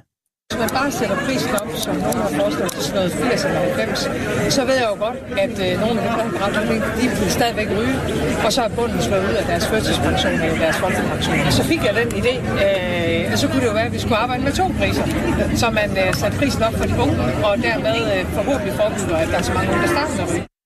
Ja, lyden var ikke perfekt der på gågaden, men altså, hvis man ikke lige fik det hele med, så siger Mette Frederiksen, at man vil sådan set gerne have prisen op på øh, 80-90 kroner. Det er det, der batter allermest sundhedsmæssigt. Øh, og så får hun den idé, at man kan lave differentierede priser. Altså, hvis du er under 18 år, så er smøgene rigtig dyre. Øh, men hvis du til gengæld er, øh, ja, hvad ved jeg, arbejdsløs eller gammel eller et eller andet, så er smøgerne billigere. Øh, to dage før valget, tror jeg det var, går det så op for Mette Frederiksen, at det nok er sværere end som så, og så trækker hun forslaget tilbage. Øh, og så er der så kommet en, øh, en lille pakke fra regeringen omkring smøger. No pun intended. Men øh, hvor man ligesom siger, at det godt, smøger skal koste 50 kroner. Derudover har man så, øh, så der, øh, øh, pakkerne skal være neutrale, de skal gemmes væk. Øh, der skal meget mere oplysning i skoler og gymnasier, og det skal være forbudt på skoler og gymnasier i øvrigt. Store oplysningskampagner osv. Det er en stribe initiativer, som man øh, siger det på Christiansborgsk, tror jeg. Øhm, og så skal jeg ellers love for, at der er nogen, der er blevet sure. Både i oppositionen, i støttepartierne, og ikke mindst hos kraftens bekæmpelse, som siger, jamen, altså, 10 kroner, det er slet ikke nok. En hævning af prisen på 10 kroner er overhovedet ikke nok. Der er ingen sundhedseffekt. Øh, hvad er der foregår her? Det spørgsmål vil jeg så stille videre til jer nu. Øh, Anne-Marie Melgaard, vil du starte? Hvad er det, der foregår her? Ja, det ved jeg faktisk heller ikke. Jeg synes, det er fuldstændig vanvittigt. Altså, jeg kan da godt forstå, at man begynder at kigge på, at øh, man, man har en vælgergruppe, som vil blive ramt, hvis man siger, at det skal koste 100 kroner og, og købe en, en pakke cigaretter osv. osv. Men ved du hvad, der har lige været valg nu her. Få det for pokker det igen.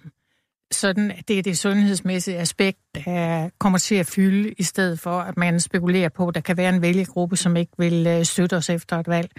Altså, jeg, synes, det er fuldstændig vanvittigt, og jeg synes faktisk også, 60 kroner er vanvittigt. Altså, jeg ved godt, jeg er fuldstændig farvet i den der sammenhæng, men i min verden, der burde det være fuldstændig forbudt at, at sælge øh, cigaretter. Så langt tror jeg ikke, vi når. Det tror jeg heller ikke selv på, men, men, men øh, altså, det fortæller lidt om, altså, mm. hvor, hvor forkert jeg synes, det er. Altså, vi har et sundhedsvæsen, som gør så meget for at behandle personer, som er skadet af røg, lungekræft og hvad vi er, og sådan noget. Vi har et kræftbekæmpelse, som fortæller, hvor vigtigt det er, at vi får især unge øh, væk fra, fra rygning osv. osv. Jeg kender selv øh, personer, som har haft kræft, som er blevet helbredt og som stadigvæk ryger og sådan noget. Jeg synes faktisk, det er ret forkasteligt. Mm. Men igen, altså, det der jo kan, kan undre en lille smule, det er, øh, at stort set al forskning, man kan jo altid, sådan er det med forskning, man kan altid finde et lille hjørne af noget forskning, der, som ja, A siger, øh, øh, klimaproblemer er ikke øh, overhovedet menneskeskabt, men man kan også finde noget forskning, der siger, at der er ikke så stor effekt med det der med, med, med smøger. Men stort set al forskning siger, at man skal altså op på i hvert fald 80 kroner, for at det batter det her. René Gade, hvor, hvorfor ryger man ikke derop? Og er det så svært med det der differentieret? Jamen, der er så mange facetter af den her diskussion. Det, det, det, det er en politisk undervisningslektion på universitetet næsten over en øh, 4-5 lektioner, mm. tænker jeg, man kunne lave ud for det her. Fordi der er så meget spænd i det. Der er så meget manglende vilje til at bruge ekspertise og, øhm, og faglighed.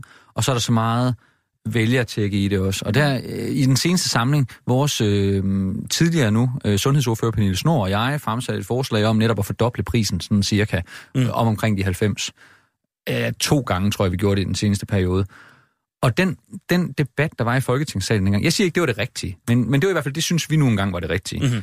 Den debat, der var om det der, hvis den bare havde været ærlig i forhold til, at det var fordi, man så ville få et hul i statskassen på x kroner. Mm. Eller det var fordi, at man ville, altså på grund af manglende afgifter og salg og det ene og det andet. Eller det var fordi, at man synes der var en vælgergruppe, der så ville være for udsat. Hvis den bare sådan var entydig, man havde den samme analyse og vidste, hvorfor man sagde det ene og det andet før og efter valget, så var det lidt nemmere at arbejde med. Men problemet her er, at det bliver så mudret afhængig af, hvor man står. Den regering, der lige er gået af, kritiserer nu, jeg var lidt inde på det tidligere i den, mm. den første time, kritiserer nu den nye regering mm. for kun at hæve den til 50 kroner. Altså, de ville ingenting selv dengang. Så der, hvor vi står nu, det er at sige, alt det, jeg har kunne læse mig frem til som skatteordfører, det var, at vi skal helt om omkring de 90 kroner, før det batter noget. Mm-hmm. Og de unge, der bliver spurgt, kraftens bekæmpelse, siger, det er det, der betyder noget. Og ja, så vil der være en social slagside i en periode, men som du også siger, Marie, vi har et sundhedssystem, der i den grad lider under meget, meget tunge belastninger økonomisk, blandt andet på grund af det her. Og så må man træffe en upopulær beslutning, hvis den er rigtig. Så jeg synes lige nu, Selvfølgelig skal man hæve priserne langt mere, men man skal også have forståelse for, hvorfor det er, at regeringen nok ikke vil. Og der er det min klare opfattelse, udover at der er noget med vælgergrupper, så er det jo fordi, de har svært ved lige at finde de penge. Mm. Altså det er en prioritering, en økonomisk prioritering. Der kan jeg så være uenig i, at den er okay. Øh, jeg havde det inde på livet her for tre uger siden, hvor kraftens bekæmpelse kom og spurgte mig, om jeg ville være ambassadør for det, der hedder Røgfri Fremtid. Mm-hmm. Det vil jeg gerne, men det var det også vigtigt for mig at sige, ligesom Mette Frederiksen faktisk er inde på, det skal ikke være forbudt at ryge. Mm. Jeg vil ikke være med til at sige, at alle skal stoppe med at ryge, men jeg vil gerne være med til at motivere til, at vores unge ikke skal. Så det, der er befriende ved hendes sætning der fra valgkampen, er jo faktisk, at hun siger, jeg fik en idé, og hvorvidt det så er spindeleje, det ved jeg ikke. Men tænk nu, hvis politiske ledere faktisk godt kunne komme med idéer og visioner, uden at blive holdt op på dem, at de så har lavet løftebrud. Det, det, det er en anden facet af det. Mm-hmm. Det synes jeg er forfriskende, at hun turer, selvom Bestemt. det så ikke rigtig blev til noget. Ja. indledningen er forfriskende, og så, og så, så svigter modet, eller hvad det nu er, der svigter så. Og det, det er jo det, vi lige skal prøve at, at, at snakke lidt om. Nils Almand, kan man ikke, fordi det vil vel i, sådan set helt objektivt set være en, en øh, god idé, hvis man siger, jamen prøv at høre, der er en udsat gruppe, og det er også det, regeringen sigter efter. Det er børn og unge, der skal holde op med at ryge. De voksne, de må sådan øh, lidt mere øh, passe sig selv og, og, og, og tage hånd om eget liv, ikke? Men de unge under 18 år, der er jo masser, der ryger der. Øh, og de har alle mulige tal med, hvor mange der starter. Det er, det 40 om dagen eller et eller andet, og, de, og de har, der er jo en stor risiko for at dø af det, osv. osv. Det er dem, man gerne vil tage hånd om. Hvorfor er det så svært at lave differentierede priser? Og sige, at altså, hvis du er 18 år, hvis du er under 18 år, så koster det 90 kroner. Og din moster Oda, hun kan købe den til 40. Sådan er det. Altså, jeg synes, man skal se det her øh, virkelig fra helikopteren. Øh, jeg kan huske, da jeg var helt ny ung folketingsmand der i sidste århundrede, da øh, var der nogen, der begyndte at tale om, det var Agnete Lausten og sådan nogen, og de, hun sagde, nu skal vi altså have stoppet øh, rygning i offentlige bygninger, og vi tænkte alle sammen, kvinden er gal, altså. Og piberne gik over hele Folketinget, var en stor, en stor røgsky. Mm. Regeringen bør sætte sig ned og sige, prøv at høre her, den udvikling, vi startede, når man nu laver alle de her mange udviklingstræk, også med klima fra, fra de 30 til de 70 procent osv., kan man jo også gøre det her og sige, Vores mål er at udfase smøgerne fuldstændig. Vi kan ikke gå og snakke med to tunger her. Vi kan sige, vi skal have udfaset de her smøger i 2000 et eller andet. Det er jo ikke noget, man siger, nu skal vi have elbiler i 2030, og nu skal vi alt det andet. Men smøger, nej, der skal vi bare have lagt nogle afgifter på.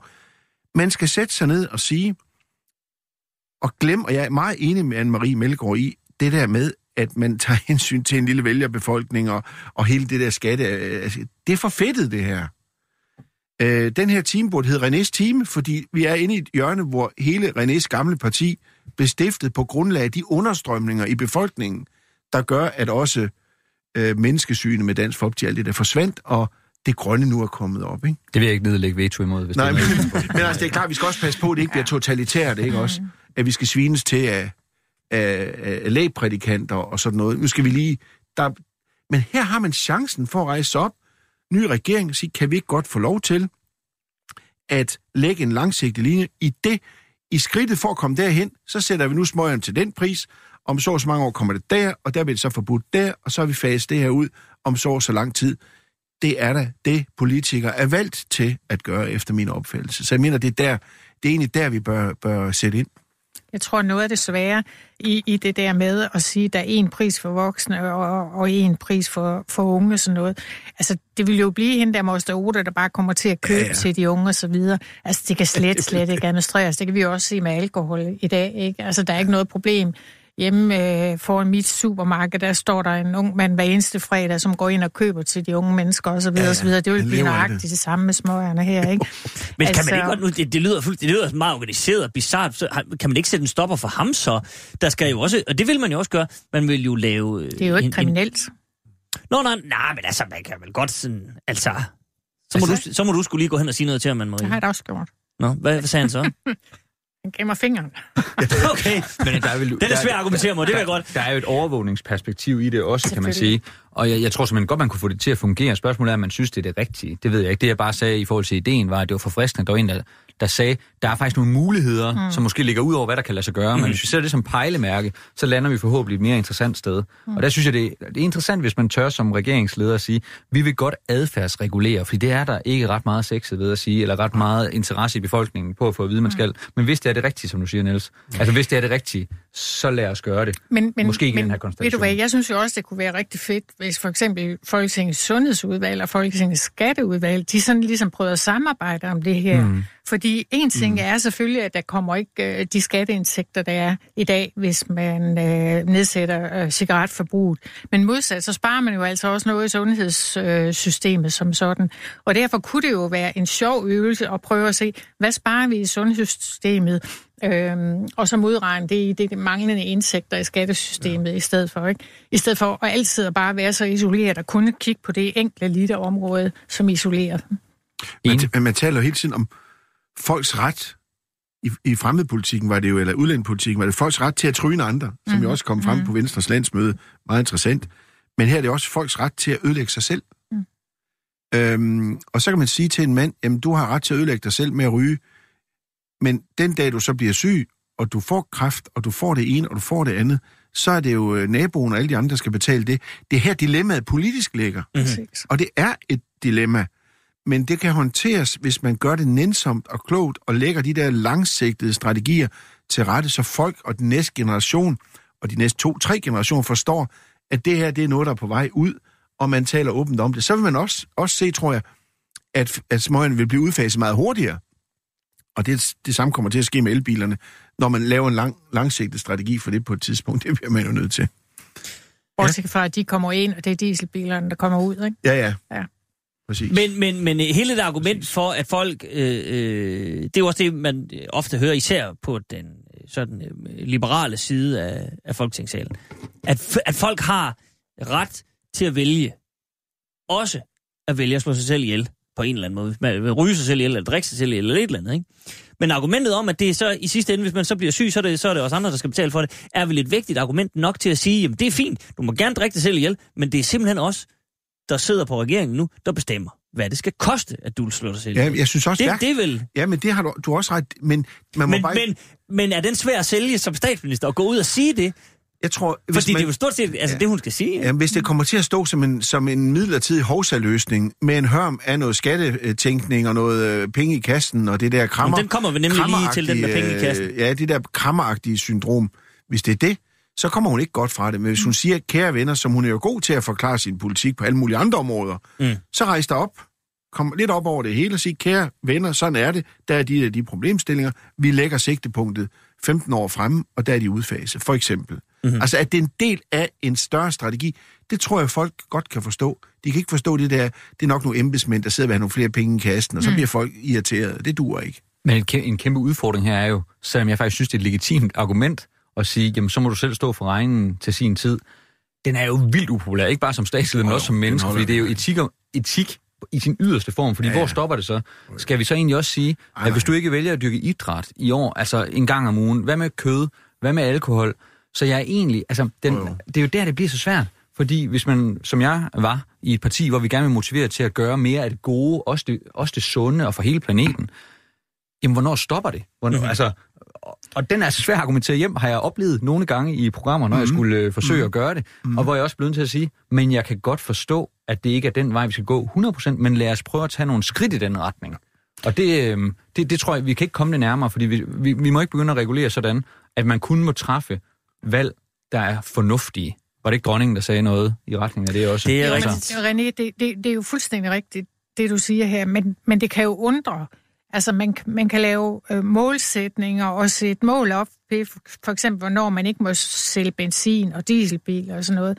Og, og en af årsagerne til, at, at det kan lade sig gøre, det er jo fordi, det er ikke mig, det er ikke menneske, det går ud over. Men her er det personen, altså det levende væsen, der ligesom er tale om. Og det er der, den store kløft er.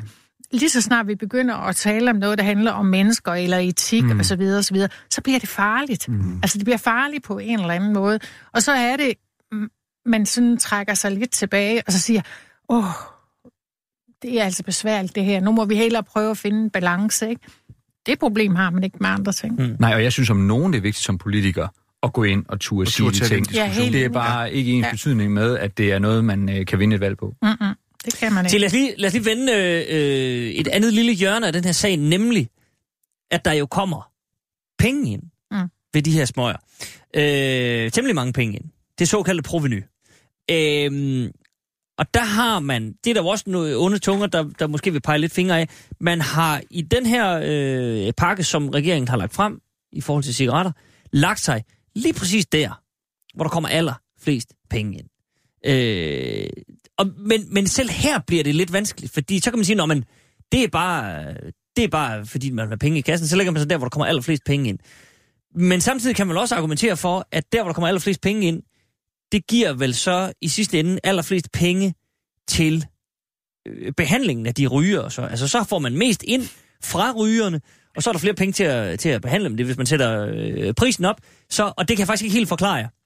Men grafen ser sådan ud, at hvis en pakke smøger koster 0 kroner, så er der 0 kroner i p- proveny.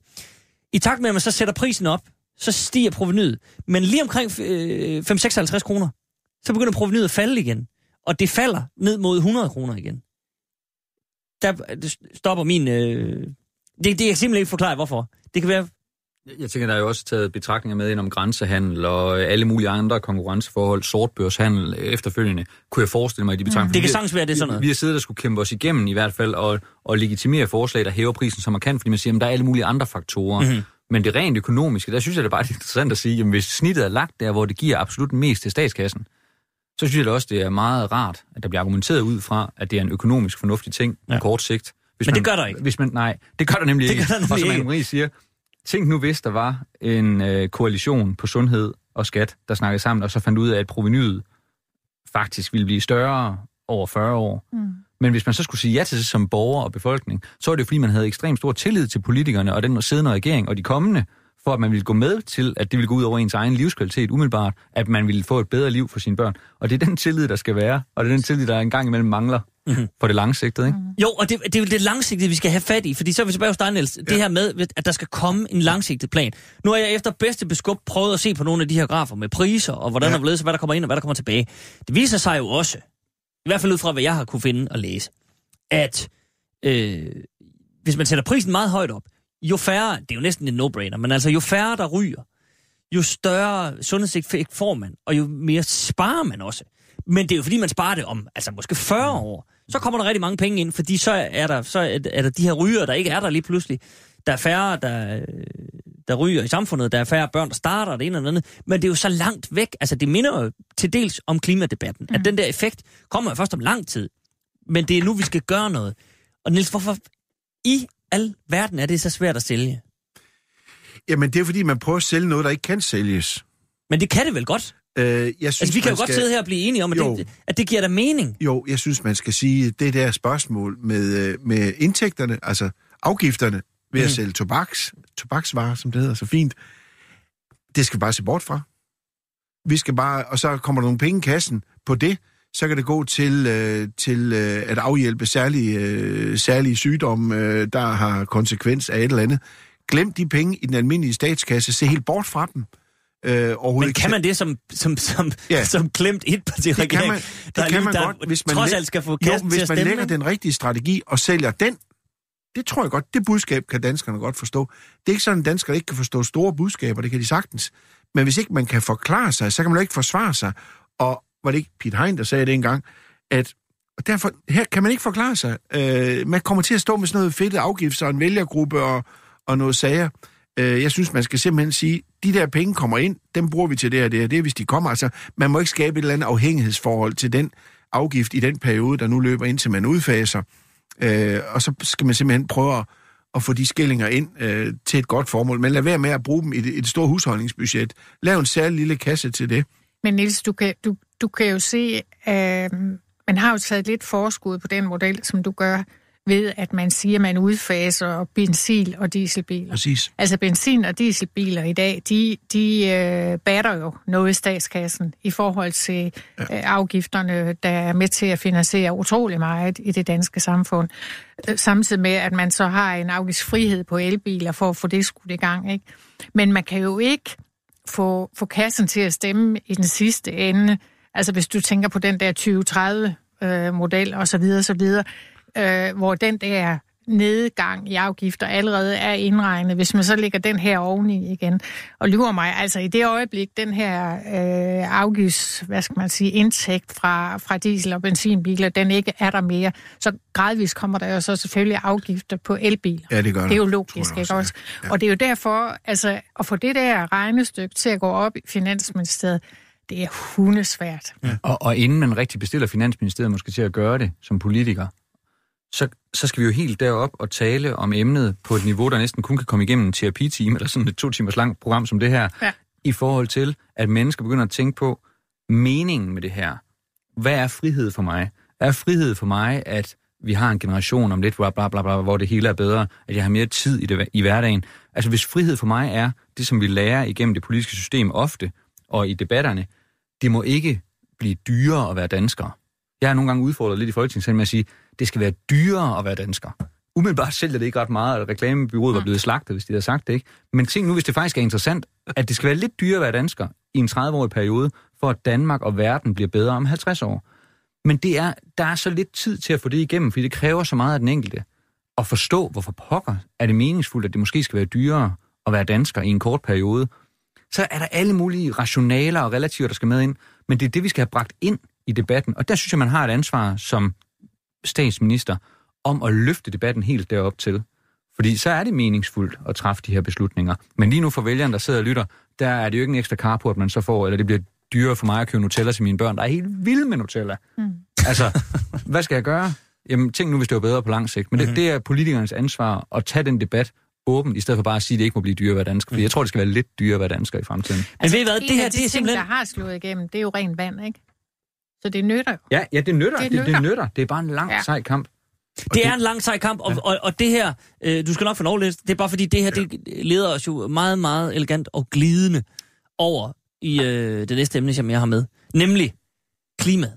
Fordi, altså hvis der er noget, der skal sælges på den lange bane, så er det jo klimaet. Og der på en eller anden måde, øh, faktisk jeg skrev til jer øh, søndag, der var det ikke engang sket endnu, så tror jeg søndag aften, måske mandag morgen dukker ja. det op. Altså, hvad man må betegne som en form for morgenluft. Jeg kan huske, at jeg stod på folkemødet i år, i indtil flere debatter derovre, med øh, alle mulige grønne organisationer på den ene side, og pensionskasser på den anden side. Og de grønne organisationer sagde alle sammen, jamen prøv at høre, det er de her pensionskassers tusindvis af milliarder, som skal i spil til den grønne omstilling.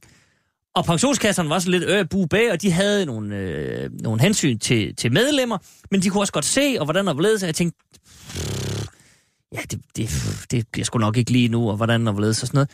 Men nu er det rent faktisk nu.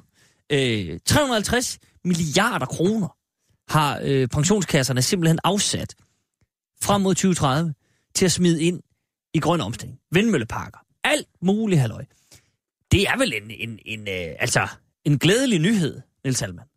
Det er en meget glædelig Som de nyhed. første måske endda havde forestillet sig sådan lige nu. Ja, øhm, men det er øh, jo så, fordi erhvervslivet øh, lever jo lidt efter den der regel med, at hvis det kan betale sig, så er de på. Mm-hmm. Så Jamen, den del af det. kan jeg love dig, vi lige skal vende, fordi det er også fordi, vigtigt. Øh, det, det, det er der, den ligger. Regeringen er kommet enormt heldigt for land og på den sag her, og har jo lige præcis lagt sig på den høje strategi her, hvor man fætter rundt med det med smøgerne før, ikke? Her har man lagt sig helt, helt rigtigt. Man har lyttet til signalerne, og, og jeg vil sige, at vores statsminister gør det altså super fint med at prøve at samle interesserne, og få dansk industri til at sige på, på deres møde, vi er med på at gøre noget. øh, Nu kommer pensionskassen, det igen, kan vi sige, også vores allesammen skattemidler på en eller anden måde, der står og, og kigger derover. Det er i hvert fald offentlige midler, det er borgernes penge. Mhm. Øh, og der sidder sådan nogle professionelle, man skal ikke tage fejl, benhårde investorer. Benhårde investorer. Det er ikke pensionskasserne, der spytter millioner og hundredvis af millioner i startups her i landet. Det er der overhovedet ikke. De går safe road. De vil være helt sikre på, at der ikke bliver tabt nogen penge, hvis de går ind i et nyt område. Og Men det er jo fordi, det er medlemmernes penge. Det, Ja, det, det, præcis. det, det er vel og det er godt nok. en del af at være pensionskasse. men jeg kan jo huske tilbage, da, da vindmølle, altså det, at man overhovedet taler om vindmølleindustrien, man var fuldstændig blæst. Der var noget, der hed, vi startede noget i Folketinget, der hed, helt tilbage i, øh, i 80'erne, noget, der hed Nordvestjysk Folkecenter for Vedvarende Energi. Og det blev jeg så øvrigt ordfører for, og, og det handlede altså om, at her skulle borgerne øh, have et sted, hvor man kunne... Øh, hvor man med forskningsmidler kunne undersøge, og erhvervslivet kunne undersøge, hvad er der egentlig det der med at, at bruge vind, vind som energi? Og vi blev simpelthen nærmest øh, udskældt, som om vi var halvidioter i, øh, i industrien. Altså erhvervslivet kaldte det totalt tåbeligt. Altså fuldstændig vanvittigt at begynde at tale om, at vi kunne, vi kunne drive det her land med vindenergi. Altså, vi kunne lige så godt have sagt, at månen den var, den var flad, hvis man kan bruge det udtryk.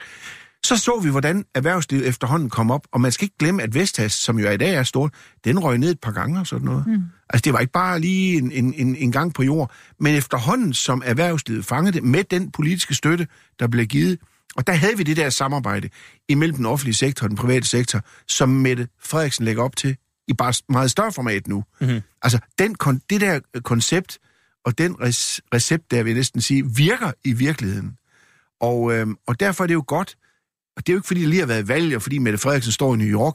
Det er en konsekvens af en lang, spændende udvikling, som har bragt Danmark til, at vi nu kan engagere, og, og vores lille konsensussamfund kan fungere øh, imod sådan et, et, et stærkere mål. Mm. Og det bliver enormt interessant at se. Men tag ikke fejl, at de der investeringer, der kommer, dem vil man gøre øh, meget, meget sikkert, og det er ikke sådan, der vil blive smidt penge ud på det. Jeg tror ikke, befolkningen kommer til at mærke det i alle ender og kanter som en kæmpe revolution, øh, og det vil ikke være politikerne, der vil sidde og sige, nu skal I også støtte det projekt med brintbusser, og nu skal I gøre det og det.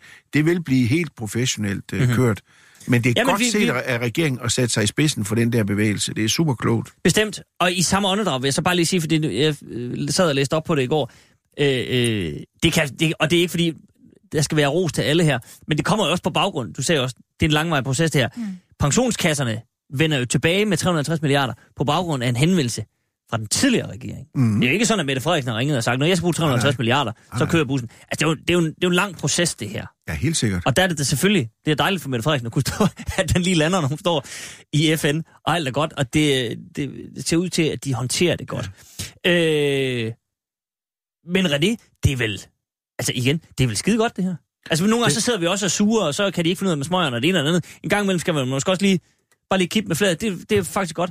Der er en, øh, en partner, der byder sig ind her, som har rigtig, rigtig mange penge. Der er en regering, som er ambitiøs og, og, og tør at rykke på noget her. Jeg det, mener- der er vel sådan set nok at være glad for. Ja, jeg mener, det er, det er fuldstændig fremragende, fordi når det kommer fra det hold, vores pensionskasser er, så kan alle danskere sådan stort set sige, hold da op, hvor er det positivt. Fordi det, det er et hold, vi alle sammen er på. Mm.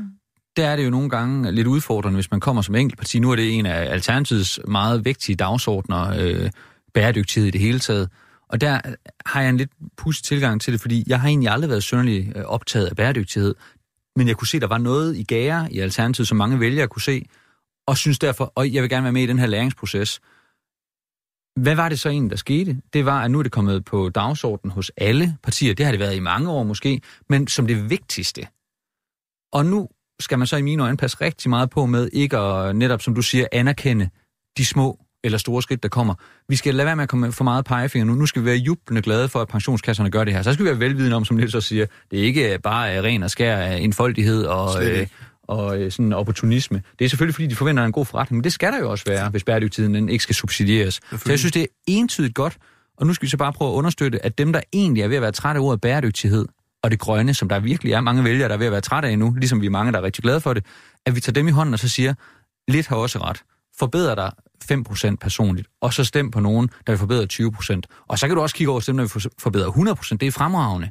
Men vi må ikke udskamme dem, der først lige nu er ved at tage hånd om den her omstilling. Fordi den generation, der eksempelvis er mine børn, de vokser op med det. Det bliver slet ikke mærkeligt for dem at spise mindre kød og alt det der. Det er bare mærkeligt for os andre. Mm. Så det, det går så stærkt lige nu. Så mit, mit klare øh, signal øh, fra, et, øh, fra, et, øh, fra et grønt parti, som jeg jo kom fra, det skal også være, lad os nu anerkende alt det gode, og så lad være med at kappes partierne imellem om, hvem der kom først. Lad være med at sige, at vi skal være de grønneste. Lad os nu bare være grønne sammen. Ja. Fordi det andet, det, det, det gør, at man står og kæmper om nu, som jeg kan se nogle af politikerne gør, Altså, at det nærmest er helt uh, common sense, at det skal være 70 procent. Det er ret voldsomt, faktisk. Jeg tror, at det, er det, er det 40 procent, man har, har budt ind med til EU, ikke? At man skulle, i forhold til, til NIS-aftaler og sådan noget. Altså, det, det er så fremragende, men man kan ødelægge det lynhurtigt, hvis partierne nu står og kappes om, hvem der kommer først med det. Så det er, det er vildt vigtigt, at vi ikke står og kappes om det, men siger, at det er Danmark, der flytter det her. Det interessante er, at den grønne sag, og det kan jeg jo selv huske meget til, fordi den grønne sag er en sag, hvor alle regeringskonstellationer og partier har været op og råbe om sig, vi er de bedste. Vi er de klogeste. Og det gælder dem alle sammen. Og jeg kan huske i sin tid, da Christian Christensen var miljøminister, hvor vi lavede alle grundlovene til det her. Vandmiljøplan 1, 2 og 3. Mm. Altså, generationer før Uffe Elbæk øh, havde forladt øh, øh, tingene over i kaospiloterne, ikke? Altså, der var, der var, der var øh, og, og før, før min, min ringhed, der havde vi Knud Bro, og vi havde Ole Berndt Henriksen, der var tidligere chefredaktør på Jyllandsposten. Det var konservativt, det der med at forandre for at bevare, og det var helt grønt, grønt, grønt, grønt, og Christian Christensen osv. osv. Og så kommer lidt senere, så kommer, så kommer Augen til, og så, ah nej, det er mig, der har gjort det hele, ikke? Og jeg er den eneste rigtige, og det var mig, der var den grønne. Det, det er der sgu mange socialdemokrater, der tror på, fuldstændig som om det var sandheden. Og så kommer øh, Lilleholdt og de næste venstre, ej, det var sgu også, der gjorde det. Så kommer der en, en, øh, en lille kreds af borgere og medborgere, øh, som øh, René og kompagni, siger, ah, øh, øh, det er os, der står for det hele, og, og vi er de rigtige, og så videre. Og der vil jeg sige, det René siger er fuldstændig rigtigt. Mm. Nu skal man lige stoppe alt det der med, at, øh, at markedsføre sig på det grønnes bekostning. Nu skal man være med til at løfte det grønne, fordi det her er en folkesag.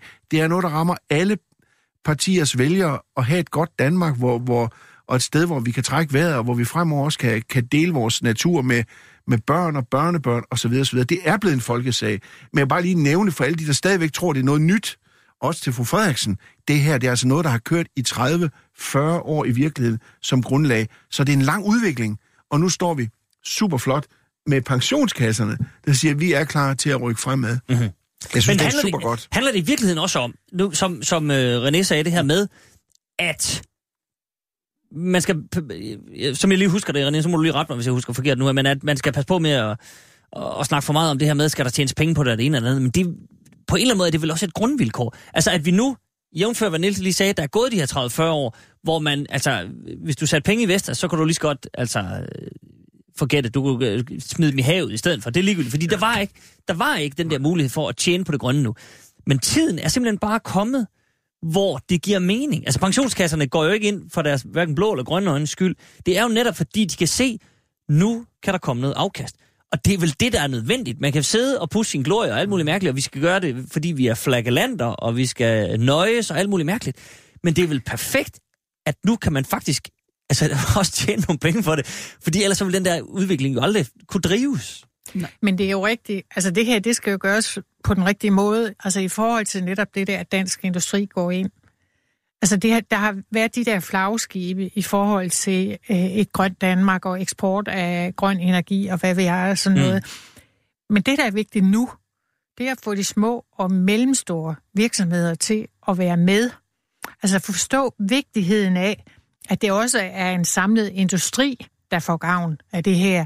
Både i deres eget forbrug, men også den vare, de kan sælge ud af til, være underleverandører osv. osv.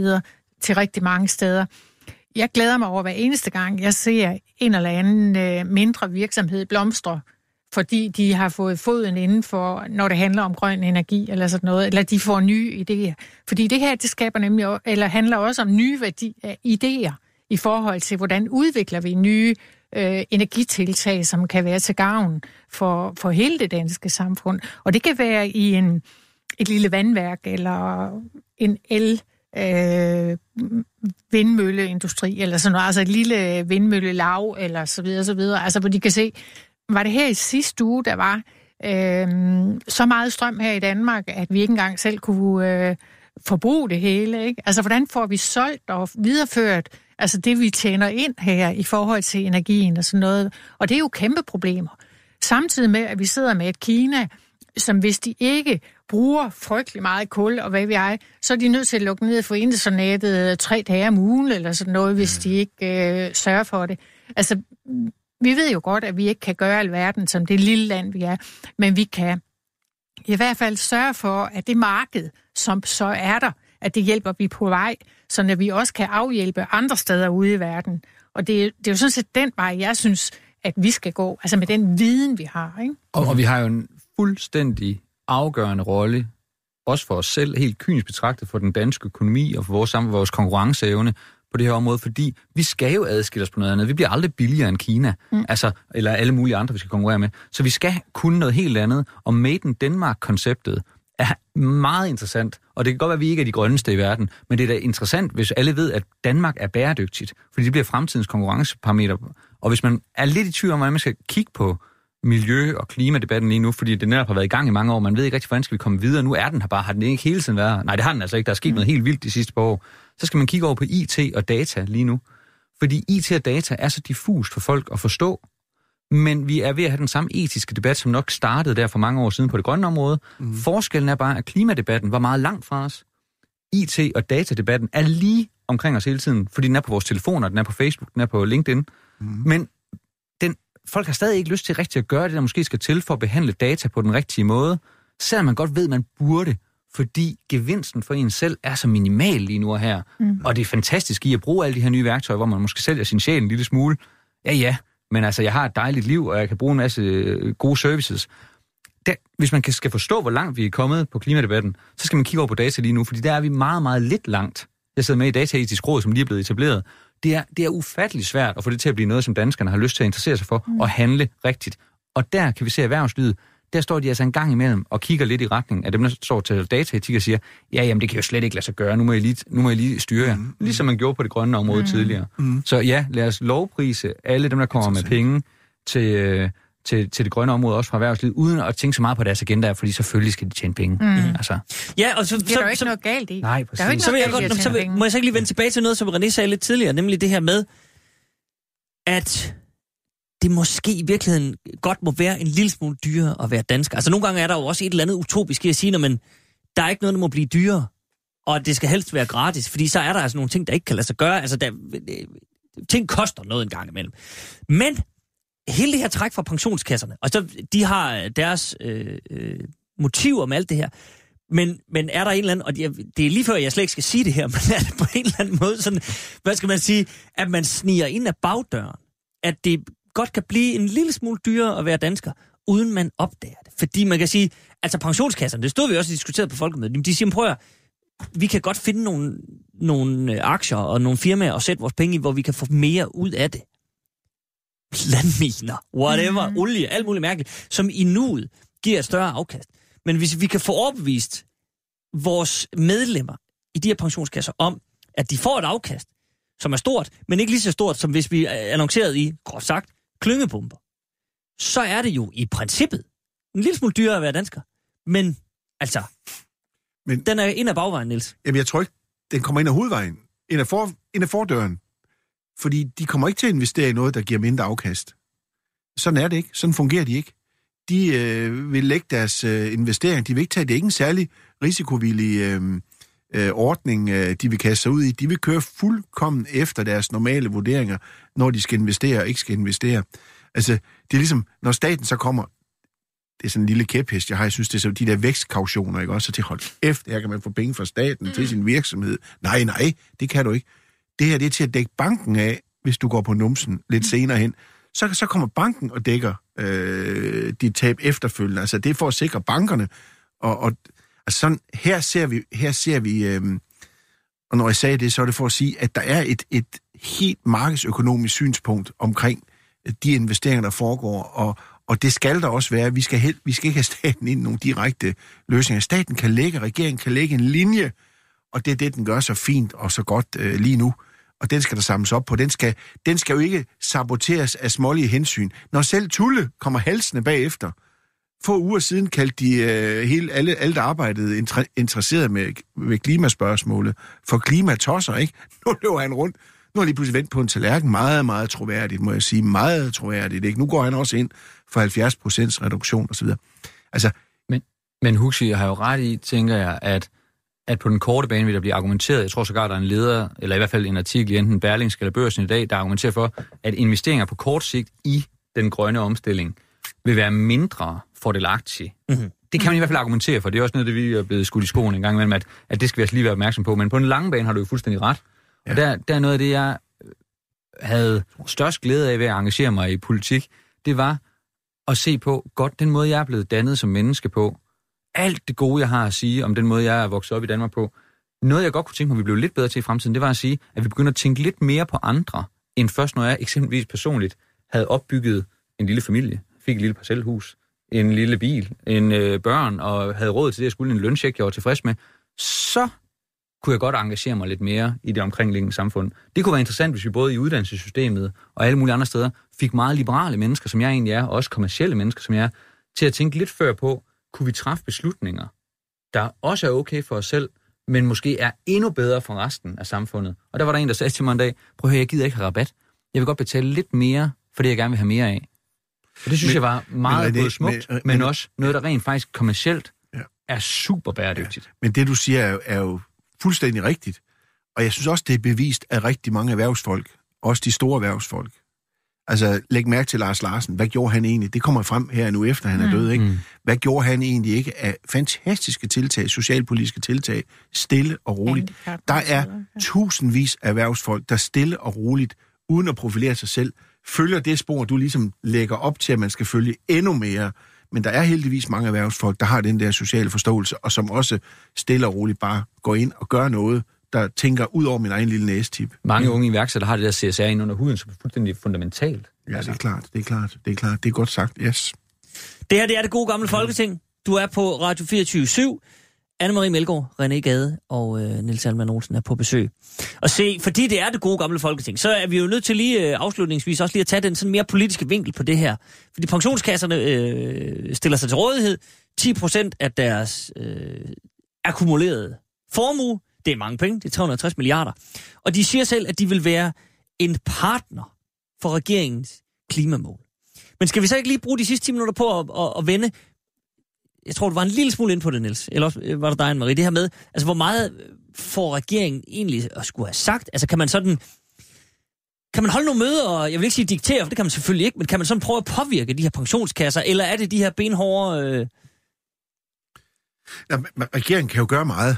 mm, Hvis man, øh, hvis man tilbyder et partnerskab, eller omvendt, så kan regeringen jo gøre det, at man omstiller øh, udenrigstjenesten til, øh, altså gående hele den der øh, del af, den kommercielle del af udenrigstjenesten op, og prøve at få den til at blive noget langt mere fremadrettet, altså få nogle helt andre sværme af dygtige øh, repræsentanter for Danmark ud på ambassaderne, udbygge ambassaderne, sørge for, at det kommer til at virke, øh, uden at det øh, hver eneste gang, at en ambassade skal hjælpe med noget, så kommer der en eller anden regning på sådan et eller andet. Der er også sådan lidt kassetænkningsagtigt smålighed der. Altså, Danmark kan gå ind og gåne op på udenrigstjenesten, og det kan man gå og smile lidt af, men jeg tror virkelig, det kan være med til at flytte meget, hvis Danmark markedsfører sig ud i den store verden øh, med øh, Dannebro i ryggen og kongekronen og hele balladen, mm-hmm. øh, så kan vi gøre meget. Altså alle steder kan regeringen gøre meget for at være en god partner og, og samspilspartner med, med pensionskasserne på det her. Det er faktisk meget enig i, og derfor så glæder det mig også, at der har været signaler om, at udenrigstjenesten skal styrkes, for den er ved Gud blevet slanket alt, alt, alt for meget, og det kan man jo også se i erhvervslivet, at ja. det går ud over over øh, det, som gerne skulle komme tilbage til Danmark. Men man kunne jo også gøre det her fra regeringens side, ligesom man gør på, på arbejdsmarkedet. Altså lave trepartsforhandlinger, altså hvor både pensionskasserne, dansk industri og regeringen sætter sig sammen, og så prøver at finde en målsætning for det her, som man melder ud samlet og prøver at finde ud af noget. Altså simpelthen når til en enighed om, hvordan takler vi det her, velvidende, at både Dansk Industris medlemmer og pensionskasserne selvfølgelig er kommercielle forretninger, som skal have noget ud af det. Men det, at de kan få noget ud af det, smitter jo også af på det politiske system, som jo så gør, at der kommer mere, øh, der kommer befolkningen til gode. Så altså, jeg kunne godt opfordre til sådan en trepartsmodel i forhold til det her. Ja. Og, og der er en oplagt øh, win-win, tænker jeg. Det siger jeg altså uden øh, spor af sarkasme eller ironi eller en hurtig joke. Altså øh, SAS, Henrik SAS skifte til øh, Kapitalfondsorganisationen nu her, øh, som direktør for den, det kunne da være elegant, hvis man øh, gjorde lidt op med det, det sådan gedulte, den gedulte forestilling om øh, lobbyisme, og så sagde, hvad er det egentlig også, lobbyisme kan?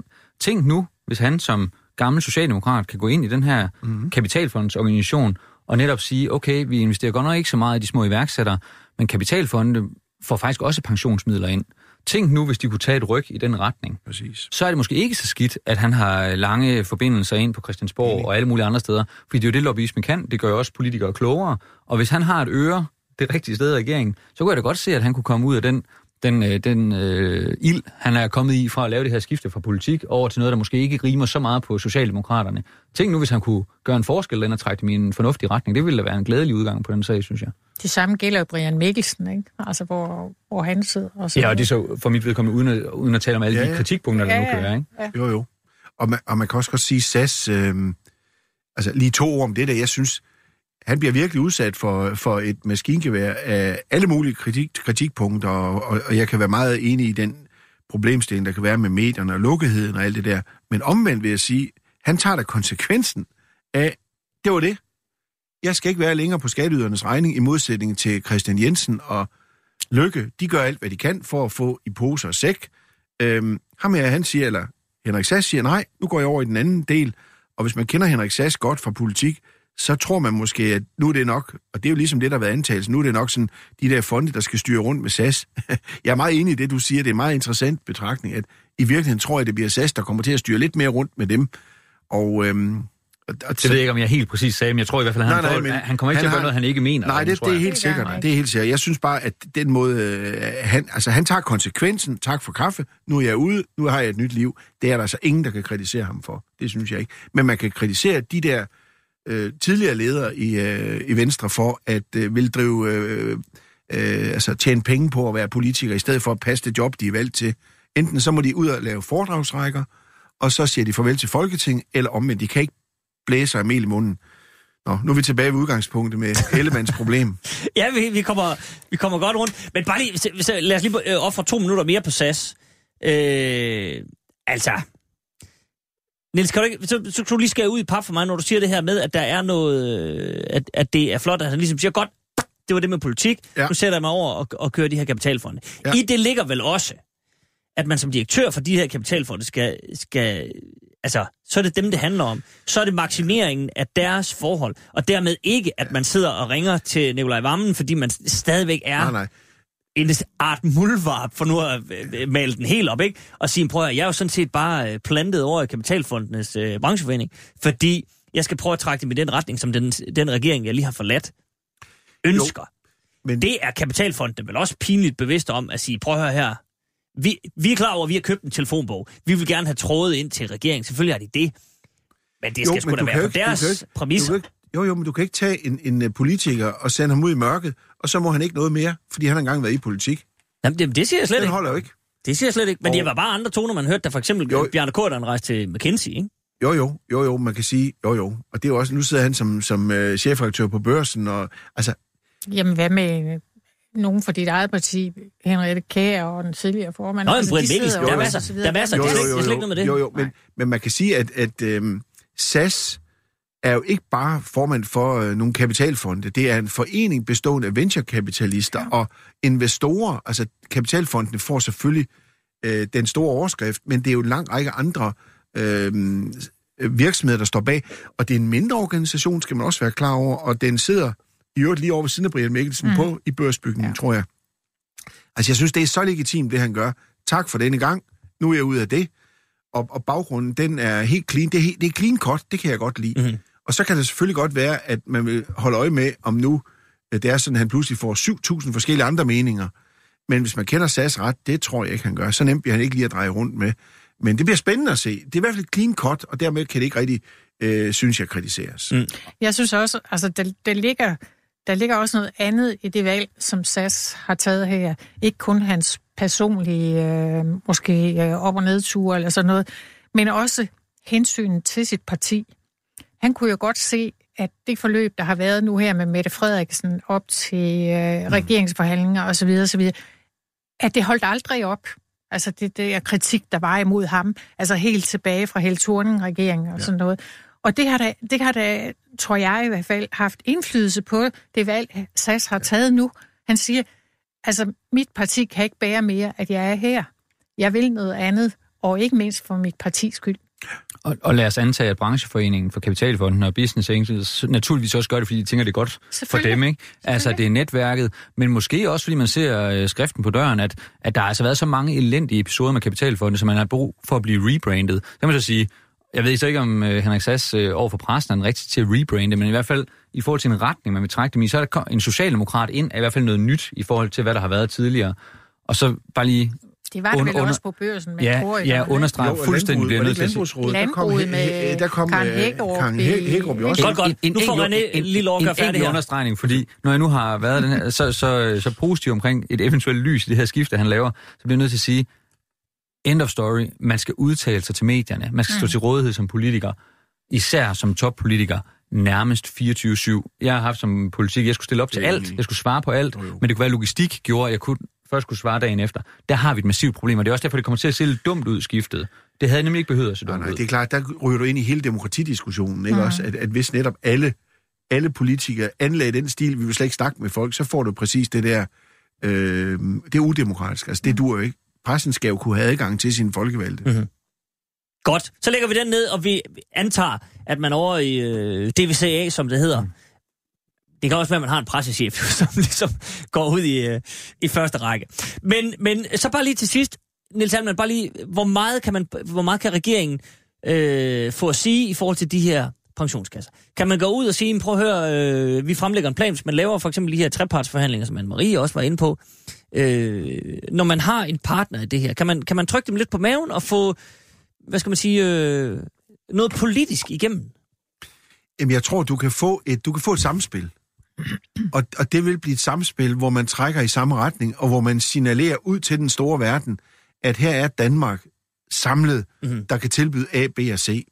Øh, og det vil gå helt naturligt, og der vil være et tæt samarbejde mellem Erhvervsministeriet, man vil lave konferencer, man vil lave oplysninger, men du vil ikke få øh, et... Øh, du vil ikke få en eller anden lovgivning igennem, der nu siger, at nu, skal, nu får pensionskasserne nogle særlige et eller andet rettigheder på skatteborgernes øh, vegne og sådan noget. Det tror jeg ikke på. Mm.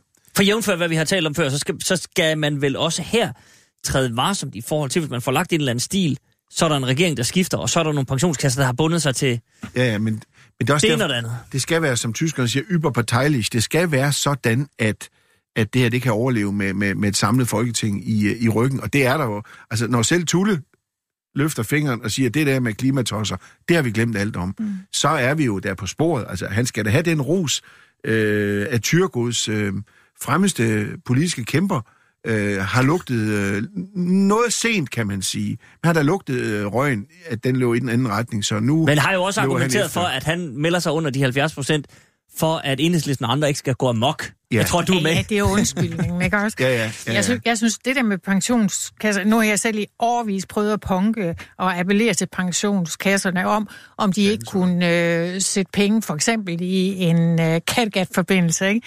Det er ikke lykkedes indtil nu. Nu kommer det her, så det er så lidt plaster på såret, men altså, jeg synes jo stadigvæk, der er masser af ting. De har 90 som procent de af deres der- midler tilbage, Marie. Det Ja, kan sagtens præcis. være, at der også er en bro Jeg til dig. enig. Ved I hvad, vi sætter punktum her, fordi øh, selvom to timer er lang tid, så går de alligevel snabt, og nu har vi simpelthen ikke mere tid.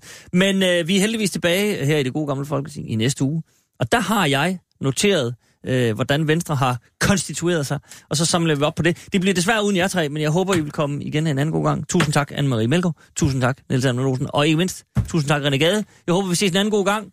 Og der er lige en, Tak, nogle, en radio, der skal fortsætte og sådan noget, vi krydser fingre for. Det kan vi tage en anden dag. Men øh, om ikke andet, så er vi i hvert fald tilbage næste uge, tirsdag 10.05. Og hvis man øh, vil have mere med det samme, så er det radio247.dk. Der kan der podcastes. Dermed, tak for i dag. Banke, banke på. Hvem der? Det, det er spicy. Spicy hvem? Spicy Chicken McNuggets, der er tilbage på menuen hos McDonald's. Badum, bom, tji.